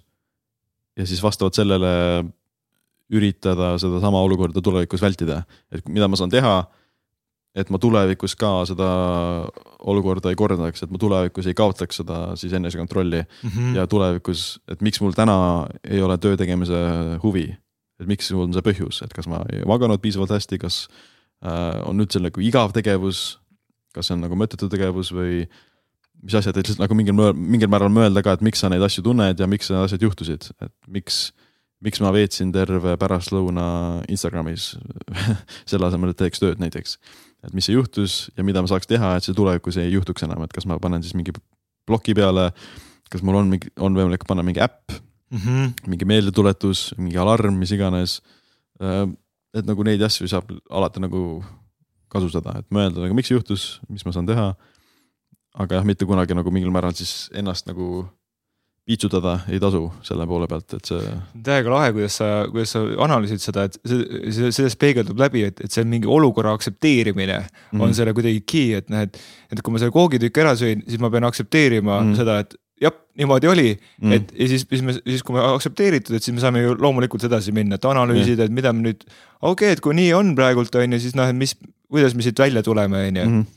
ja aga seda aktsepteerima tulebki siis, kui noh, et kui, eh, kui mõelda, et noh, et kui eristada need, need, need nii-öelda hääled peas, on ju. Mhm. et üks, üks nagu on nagu, mis kuradi asi ja teine on nihuke, nihuke läheb sinna alla, et ma olengi nihuke sitaratas, on ju, et noh, ma olengi nihuke mõttetu mees, on ju, kes teebki mõttetuid asju, on ju. Mhm. et, et justkui kaks poolt on seal peas, kes niimoodi üks, üks kirub ja teine, teine siis tunneb ennast mõttetuna mm. -hmm. et kui need nüüd inimestele kokku panna, siis noh, et või noh, et inimeste lahku võtta, et siis siis need üks on niisugune vanem ja teine niisugune, niisugune võtab niisuguse lapse või nüüd kannataja staatuse justkui mm. -hmm. et siis, siis need, et nemad saaksid jõuda sinna, et noh, mõtleme nüüd edasi koos, et mis me siis ette võtame, on ju. Mhm. siis peaks kuidagi mingisugune jah, mingi, mingi andestamine äkki isegi mm..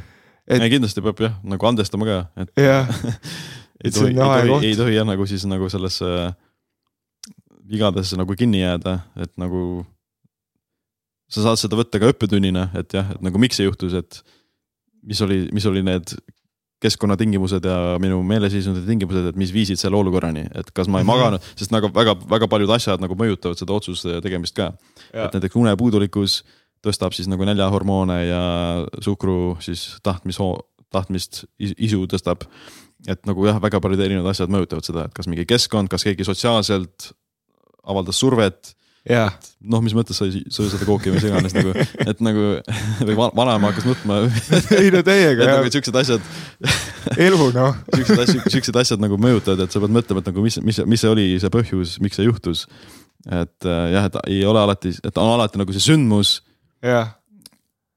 ja meie reaktsioon. ja siis selle vahemikus on nagu väga palju asju mis seda siis reaktsiooniga mõjutavad, me saame alati siis, me ei saa neid sündmusi kontrollida. et äh, keegi alati pakub meile pitsi või keegi alati pakub meile kooki või ja.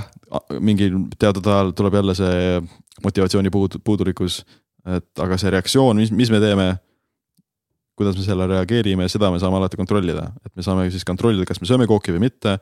kas me teeme tööd või mitte, kas me läheme hoopis jalutama selle tööd tegemise asemel või mis iganes, et see, seda reaktsiooni lõpptulemust, seda me saame alati kontrollida, me ei saa siis seda sündmust ja trigger'it me ei saa kontrollida, aga me saame siis seda, selle vahemikku, mis seal vahepeal toimub ja siis lõpptulemust me saame kontrollida. ja mingil määral seda, selle vahemiku siis nagu meie primitiivne aju, ürgne aju et see tahab siis asju väga siis lihtsalt teha mm. -hmm. tahab siis lihtsa, kergema vastupanuteed minna ja vältida konflikte ja saada seda dopamiini ja saada naudingut ja siukseid asju. Et siis ta tahabki seda võtta seda kooki väga lihtsalt, et ja tei-, siis ta hakkab siis te tegema nagu siis äh, õigustusi selle jaoks, et sa pole tegelikult ju nädal aega kooki söönud, et võta ja et sa, et no mis iganes, et nagu siuksed asjad, et sul tegelikult ongi vaja puhkust, et ära tee Just. liiga palju tööd, et siis see on tegelikult, sa pead tundma, et kas see on tegelikult siis see primitiivne aju, mis üritab sind äh, veenda või on see tegelikult siis ka sinu ratsionaalne aju, mis äh, ka tegelikult ütleb, et oh, tegelikult sa ei maganudki nii palju, nii palju või nii hästi. sa peaksid võtma natukene aeglasemalt. et sa pead, see nõuab väga palju siis eneseteadlikkust ja siis selle sündmuse ja reaktsiooni vahelist ajapikkust on vaja mingil määral pikendada, et see primitiivne aju on alati see, mis esimesena reageerib, kui sa näed Jah. kooki, siis see söögiisu on tihtipeale tekib kohe nagu ja, või nagu kipub juhtuma palju kiiremini kui see ratsionaalne analüüs, et su see näljatunne, et oh, ma tahaks seda kooki kohe süüa, see tekib nagu väga mingi millisekunditega. aga Mhm. see, et okei okay,, mõtleme, kas me ikkagi on vaja seda kooki süüa või mitte, kas me tahame seda tegelikult, kas meil on see siis sobilik praegu, et see tuleb palju hiljem, mingi paar sekundit hiljem. et, et see, sellepärast see primitiivne aju on siis nagu ellujäämiseks palju tähtsam. ja see ja selle primitiivse aju reaktsioon ongi siis väga lühike ja kohene, aga see ratsionaalne aju tuleb palju hiljem, et see on nagu siis nagu tagalas. ja selleks, et siis seda, et see informatsioon ja siis see analüüs jõua, analüüs oleks läbitud ratsionaalse aju poolt. selleks on siis vaja seda nagu ajavahemikku natuke pikendada, et sa ei teeks seda kohest otsust siis äh, intuitsiooni järgi või äh, emotsioonide järgi Mhm. vaid sa siis pikendaksid seda ajavahemikku. ja selleks on siis ka nagu erinevad nagu praktikad nagu meditatsioon või üleüldine eneseteadlikkus ja üleüldine mittereageerimine sündmustele. et see on ka oskus ja seda ja see, need aitavad siis seda ajavahemikku pikendada, et sa siis lased sellel informatsioonil jõuda oma ratsionaalse ajuni ja siis teha, teha see vastav otsus. Mul on väga hea meel, et me siin nii palju aega vedame, sellepärast et minu meelest see on kõik seotud sellega, mida me hakkasime alguses, algusest rääkima, et noh, et a la, et kuidas, kuidas sa hakkad äh, raamatut kirjutama, okei okay,, sa lähed flow'sse on ju. okei okay,, kuidas siis flow'sse minna, et mul tuli kohe siis see analoog äh, pilt, kuidas ma, kuidas nagu äh, hakkad lõuatõmbeid hakkad tegema, et algul paned võib-olla mingisugused kummi endale alla, mis noh, teeb natukene lihtsamaks selle lõuatõmbed. hakkad juba lihased harjutama, davai, mingi hetk on, teed kümme ära. Ja siis, kui kümme, kümme saad tehtud, siis saad juba ju praktiseerida ja siis noh, et saad ju noh, treenida lihased, siis mingi hetk teed kolmkümmend on ju ja siis mingi hetk on sada on ju ja siis ongi päris lahe juba on ju et, et aga see esimene, esimene on nii tähtis, et, et noh, kuidas üldse sinna flow'sse, flow'sse minna a la, et noh, teeme sinna mõnusa keskkonna, paneme mingid abi, abitegu, abirattad nii-öelda. noh, kuidas me siin rattaga õpime sõitma, paneme mingid abirattad ja siis, siis hakkab ju see, et, et, et kui ma et kui ma korra langen ära sellest rutiinist mm, Mhm. -hmm. et tekib see pettumus, et kurat, et et ei läinud ju nii hästi mm.. et siis kuidas sellest edasi minna, on ikka ju see, et, et, et see on ju harjutamine ja, või Mm. noh, et jälle tagasi ree peale sattumine, et ma, ma iseenda käitumist vaadates. nii lihtne on teha äh, mingi a la mingi viie päeva striike või mingisugune või käia nädal aega trennis või kuu aega trennis, kirjutada kuu aega, aga nii raske on siis kirjutada aasta aega, sellepärast et seal on nii palju neid pettumusi, mingisugune niisuguseid Mm. niisuguseid kohti, millest on vaja läbi minna ja et ma, ma, ma näen sinu puhul, et, et sa oled selles väga osav, et noh, et et võtadki, aa, ma sõin koogitükki ära ja ma, see ei olnud minu võib-olla tahte kõige suurem, suurem nihuke triumf, on ju. et ma, ma võib-olla tõesti ei tahtnud ja ma lasin sellel primitiivsel asjal minna, aga okei okay,, mis me nüüd järgmisena teeme, Mm -hmm. et kogu aeg on nihuke äh, edasi vaatav, edasi pürgiv ja nihuke optimism on seal võib-olla isegi sees mm Mm. mis on väga, väga lahe, et seda, seda ma proovi-, proovin siit äh, sult õppida praegu. noh, kindlasti see optimism natukene, aga samas ka sihuke nagu kohanemisvõime ja adap- adaptatsioon, selles mõttes, et jah. kui sa näiteks, sa saad kõiki nagu neid olukordi, isegi kui nad halvad olukorrad, sa saadad mingil määral endale kasulikuks pöörata.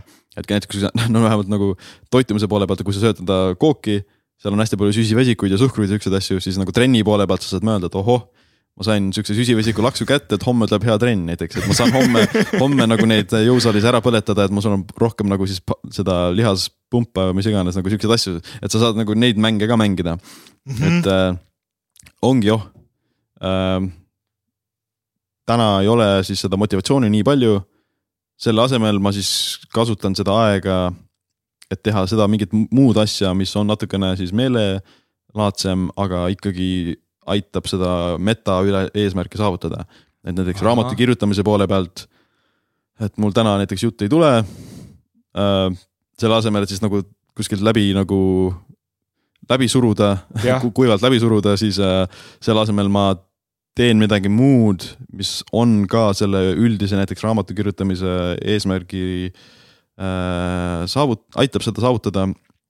aga ei ole otseselt sellega seotud, et näiteks ma kas siis lähen jalutama, kuulan mingit podcast'i või teen nad mingi graafik, joonistusi, graafikuid mm -hmm. selle raamatu illustratsiooni poole pealt, mis iganes, et ma saan, on alati midagi, mida saad selle kasutada ja midagi muud teha.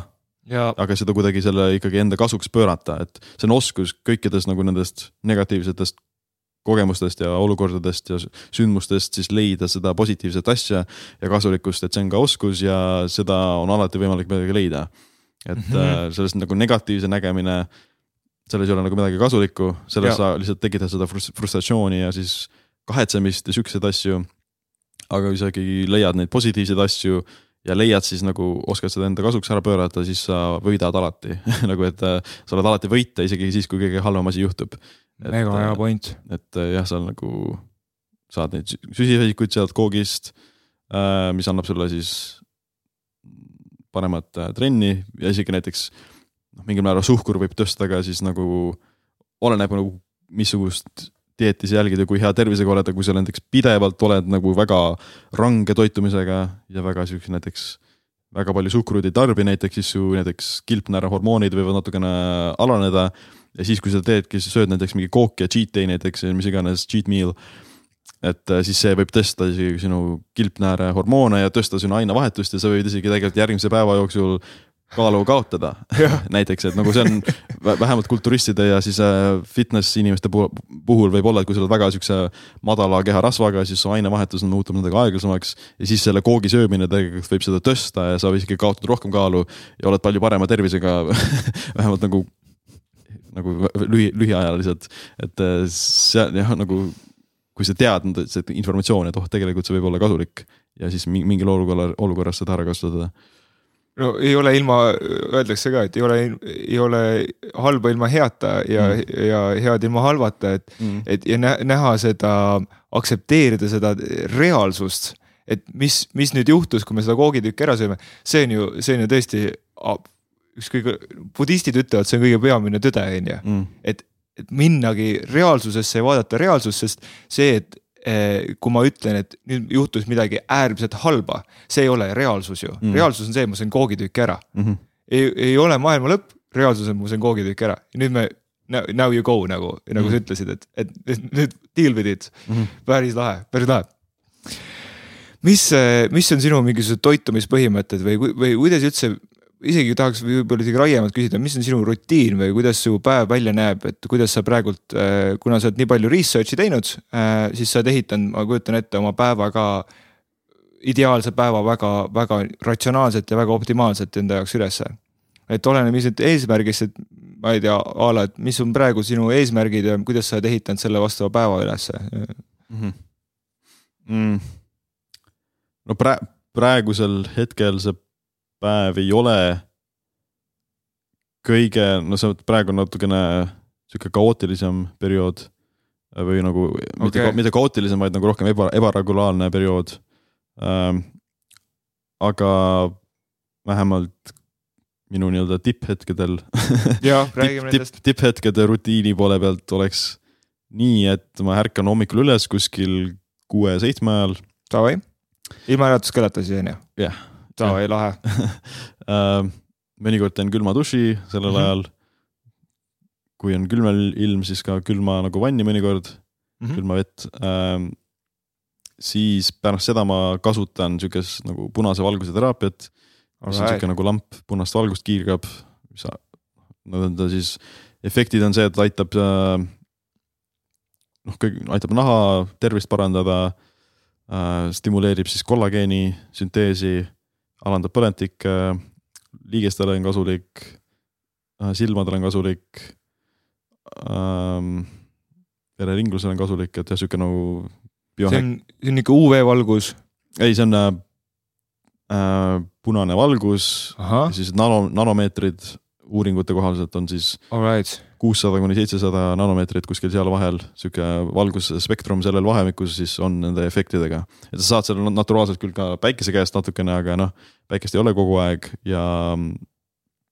ja siis selle lambist sa saad selle nagu palju intensiivsemalt kas ma millegipärast küsin edasi, et näiteks LED-lambid, et äh, ma olen aeg-ajalt äh, siin taimedele peab lisavalgust andma mulle ilgelt meeldivad taimed mm. -hmm. taimedele peab lisavalgust andma ja siis nagu LED-lambid ei anna seda õiget valgust, sest äh, mingi, nad ei oska sealt äh, võtta, aga näiteks halogeenlamp annab mm. -hmm. kas, kas selle juures on ka tähtis või see on lihtsalt, et see, et sa näeksid punast? ei, ei, see peab olema spetsiifiline, see valgusspektrum, et isegi right. kui sul on, sa näed, näed punast, siis see valguslaine ei pruugi olla ikkagi see mm, -hmm. et äh, jah, seal peab mõõtma siis selle spektrogrammeriga või äh,.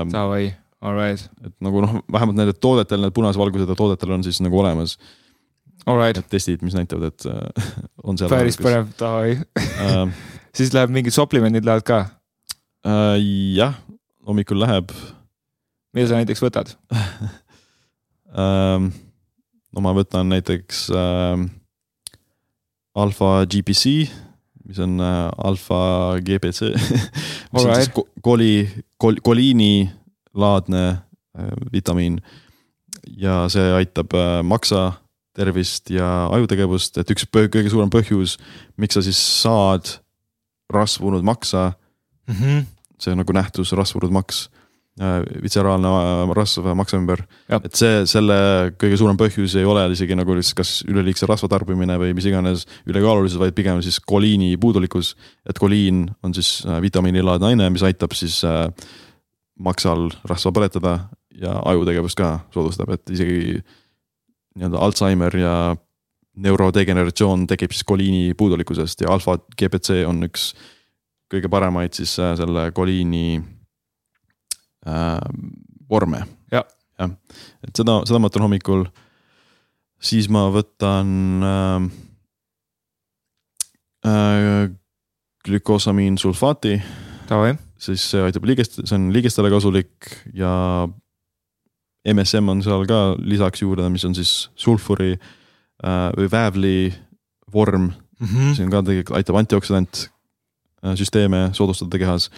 ja glükoos, glükoosamiin on, on jah, nagu lu, luustikele ja liigestele kasulik, aga see on ka mingil määral üleüldine siis nagu longevity või äh, mm -hmm. terviseea pikendav toidulisand seda, ma võtan mm,. siis ma võtan äh, D-vitamiini, D3 ja vitamiin K2 ka koos.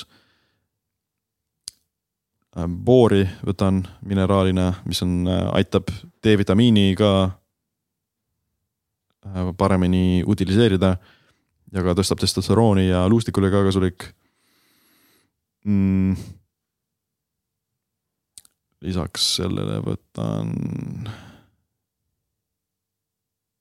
mõnikord võtan näiteks äh,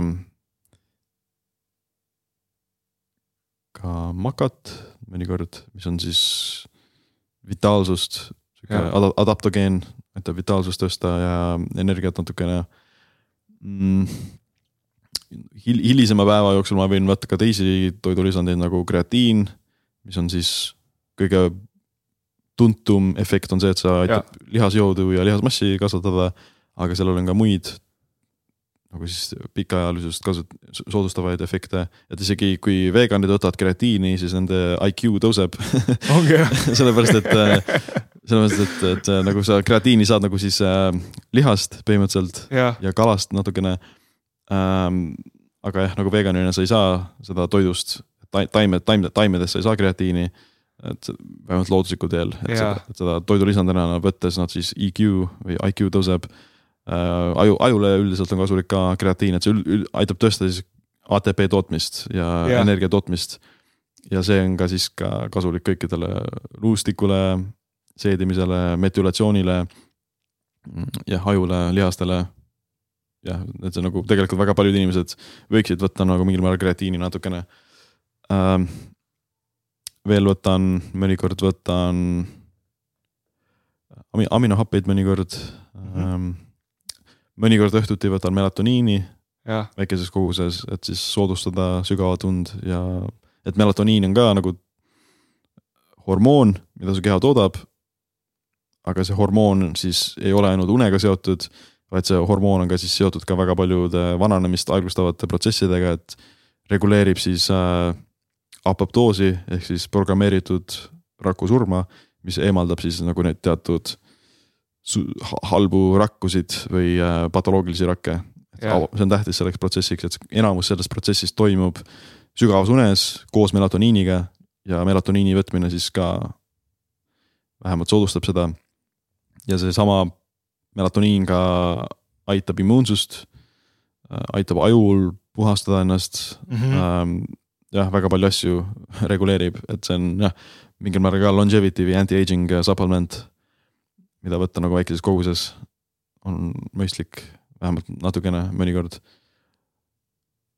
väga paljusid muid supplemente on ka, aga mul kõik meelde ei tule praegu.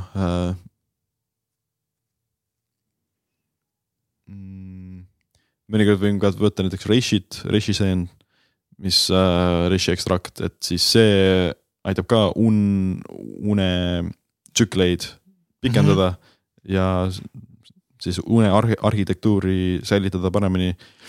ja võib tõsta ka REM-und ja sügavat und ja vähemalt isiklikult, kui ma olen võtnud nagu reishi ekstrakti, siis ma näen väga palju rohkem un unenägusid. jah jah, et võtangi selle rishit ja siis on põhimõtteliselt unenäod on garanteeritud selleks õhtuks, et äh, jah, hea nagu efekt sellel äh,. Jah, mul praegu meelde päris palju rohkem ei tule, aga on päris palju erinevaid toidulisandeid võtan.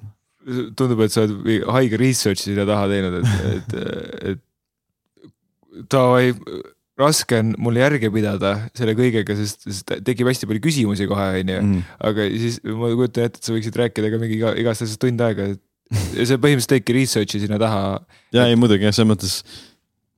noh, kõik, kõik, mis ma nagu ütlen, need on, kõik on nagu backed up by research and studies, et äh, ma ei taha teha nagu mingeid spekulatsioone või äh, jah, öelda mingeid asju, mis ei ole nagu siis tõestatud. Ähm, kui ma ütlen midagi sihukest, siis ma alati lisan juurde siis nagu siis selle disclaimer'i Asterixi, et see ei ole nagu ala, alati tõeline, aga ütleme näiteks raamatutes on väga palju siis nagu viiteid. Yeah., et äh, kõige rohkem ühes raamatus, mis ma siis kaaskirjutasin selle teise teise autoriga.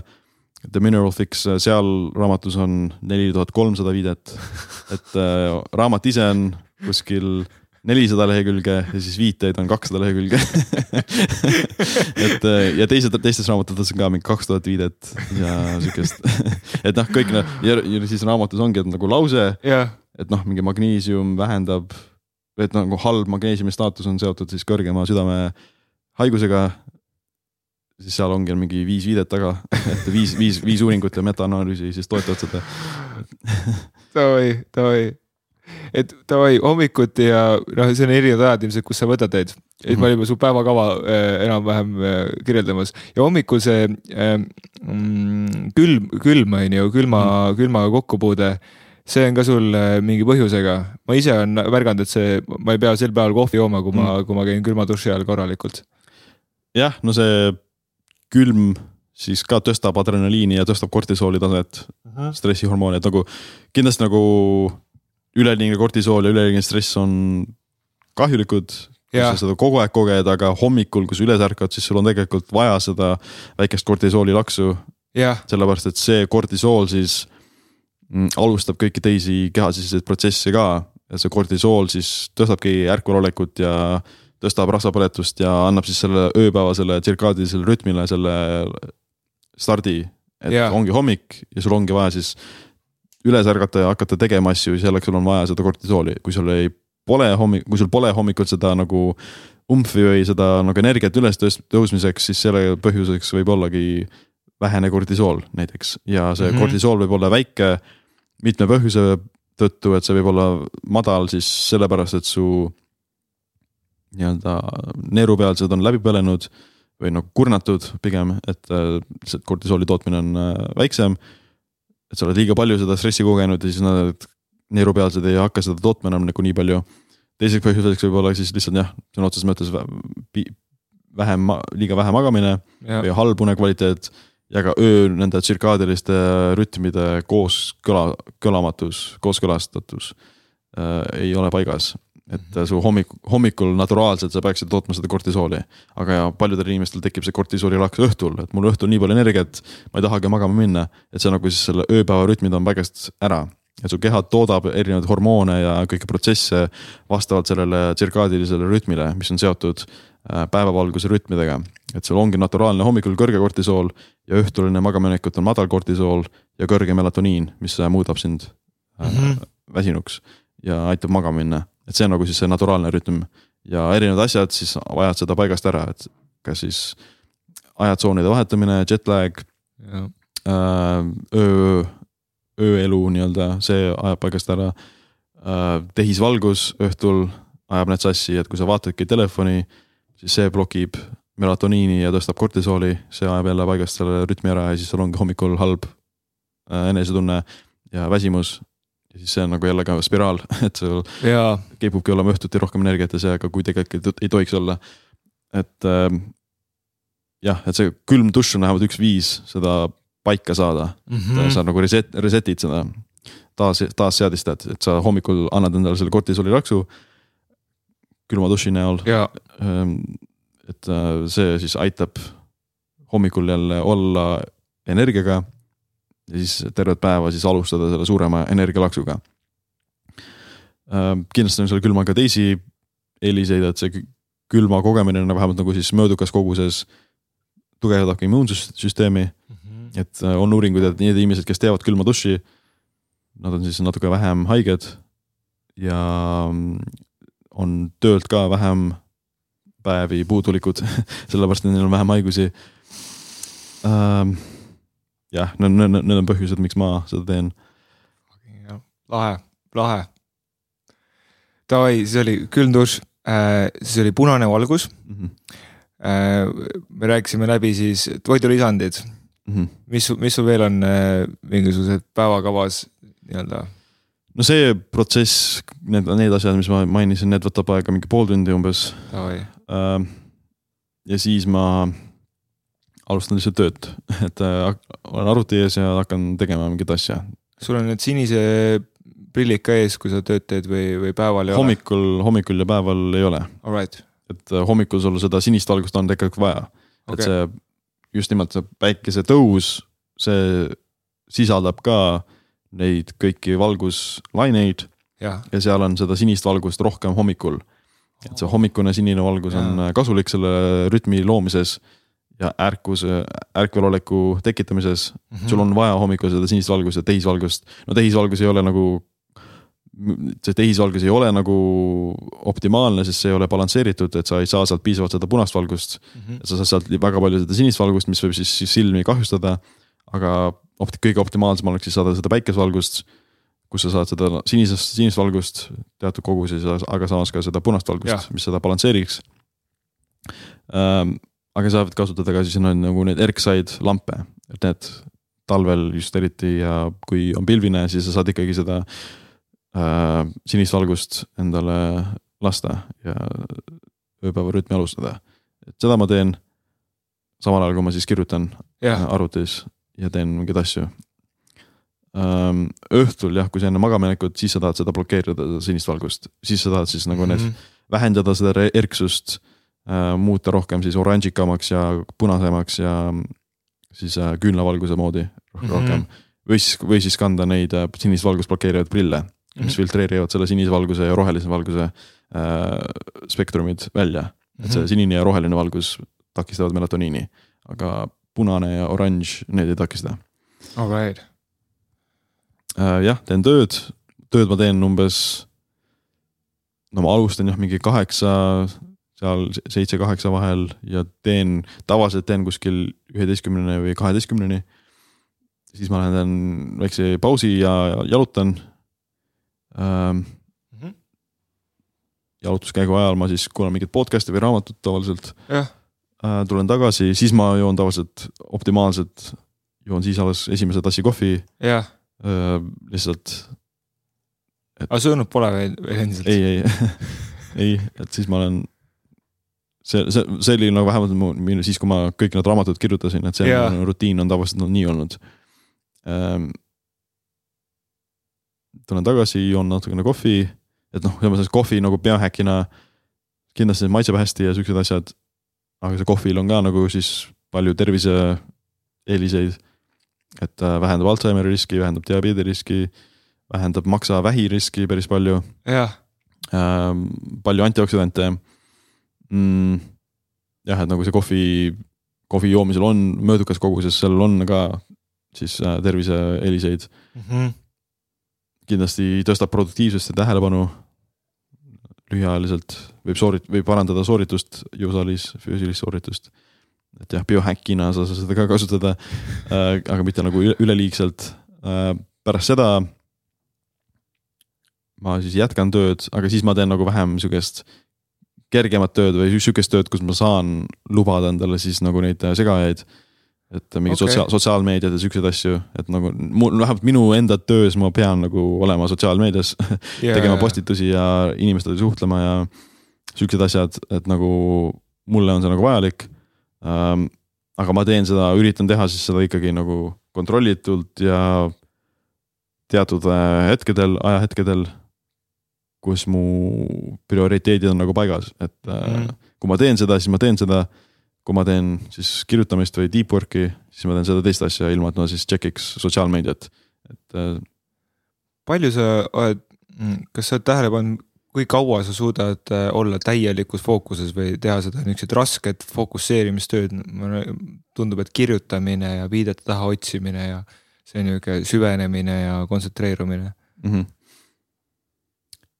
No ma oleksin võib-olla suuteline teha seda jah, mingi, ma ei tea, kuus tundi nii, aga isegi jah, ma, no selles mõttes ma taha, ma olen teadlik ka sellest, et vahest kõige parem asi selle produktiivsuse säilitamiseks on teha, teha see paus nii-öelda mm. -hmm. et äh, ma, ma, ma see Pomodoro tehnika nagu mulle eriti ei meeldi, et see on ainult kakskümmend minutit, kus sa teed tööd ja siis teed kümneminutise pausi, et see on nagu liiga lühike mu jaoks. Et ma teen pigem jah, mingi kaks ja kolm ja neli tundi teen tööd järjest okay, ja siis teen pausi et äh, wow. ja terve aeg suudad olla flow'is põhimõtteliselt. nojah, kui see, kui jah, nagu kui on nagu kõik asjad on nagu lähevad nii, siis on mõnikord võimeline suuta jah, neli tundi järjest olla, aga, lahe. aga, aga, aga see ei tähendaks, et ma oleks nagu terve see aeg nagu täielikus nagu siis tunnel vision'is fookuses mm, -hmm. et nagu jah, tekib jah, võib-olla mõni paus, kus ma sirutan ennast natukene või mis iganes, vaatan aknast välja korra, aga jah, kindlasti nagu mingi tund aega lihtsalt olla, see on ka üpris lihtne. Lahe, lahe, ma, ma, ma arvasin, et ma, ma kuidagi olin äh, fikseerinud enda tarkuse sinna, et kuskil kolm tundi ma äh, suudab olla inimene noh, teha, teha reaalselt tööd ja ülejäänud aeg on nihuke blablabla, mm. -hmm. aga noh, siin on hea näide, et kuidas, kui kümme aastat teha no, teadlikult noh, harjutada oma, oma distsipliini ja tarku- või noh, olemist, siis siis on mida, midagi muud ka võimalik. oi, okei okay., no ma arvan, et lahe kindlasti on rohkem ka, rohkem muidugi inimesi, et mingid kodeerijad või siuksed. Nemad on Mhm. kindlasti rohkem isegi võimelised, aga see on no, no very sihukest tööd ja soovi. mm. -hmm. et jah, ma ütlen, et nagu vahest see kõige tähtsam või kõige parem asi ongi teha see paus, et mm. -hmm. muuta seda nagu siis keskkonda või olukorda, sellepärast et sa nagu teed seda tööd.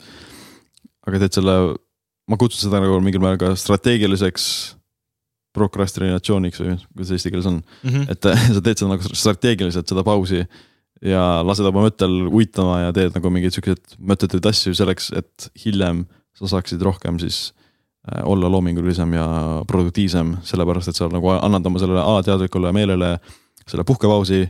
Mhm.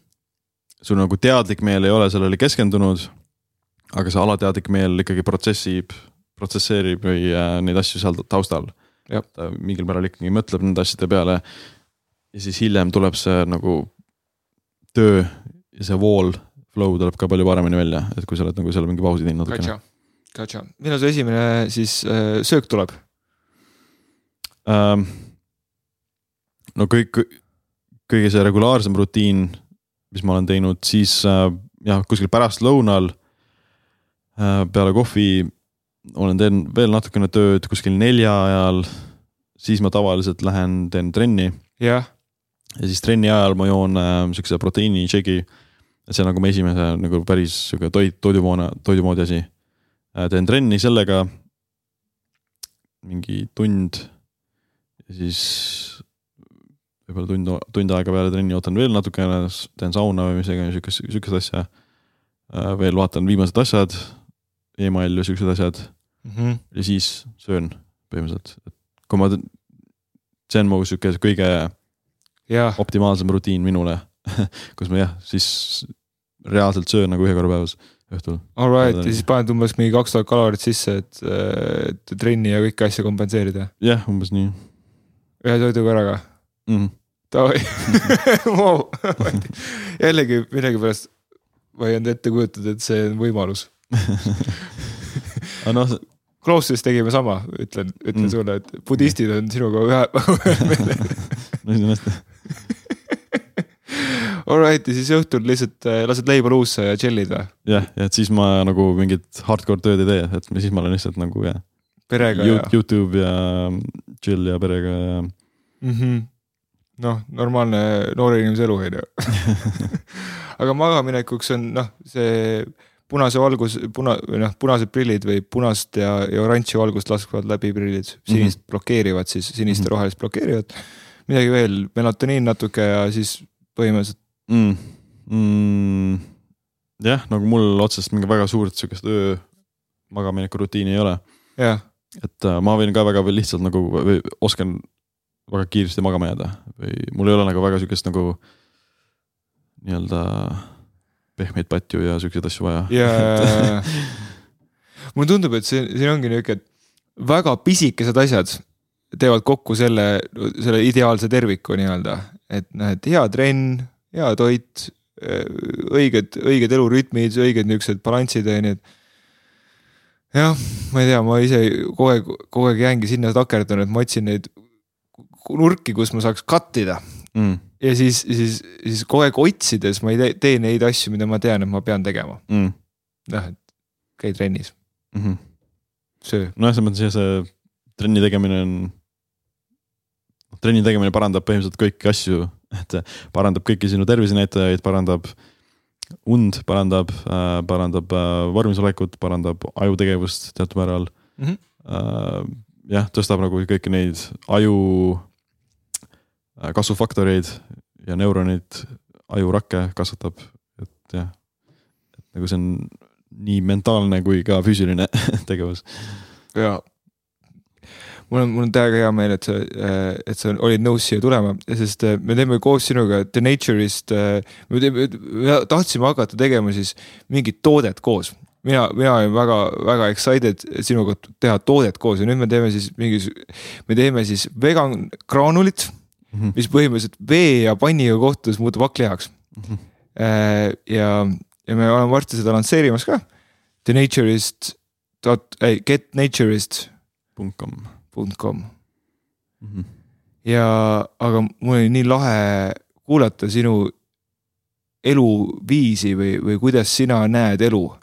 eriti seda, kuidas sa distsipliini jälgid ja kuidas see on sinu normaalsuseks muutunud ja et mis, mis, mis, mis on see, mis on see normaalsus sinu peas ja mis on see normaalsus, kuida-, mis elu, põhimõtteliselt mul on niisugune tunne, et vaata, kõik inimesed olenevad eh, siis oma sisekõnest, oma mõtetest ja oma, oma rutiinist. tegelikult elavad siinsamal planeedil erinevat elu mm. või noh, et need eri, era, erinevad erineval reaalsusel põhimõtteliselt. ja sul on päris lahe reaalsus.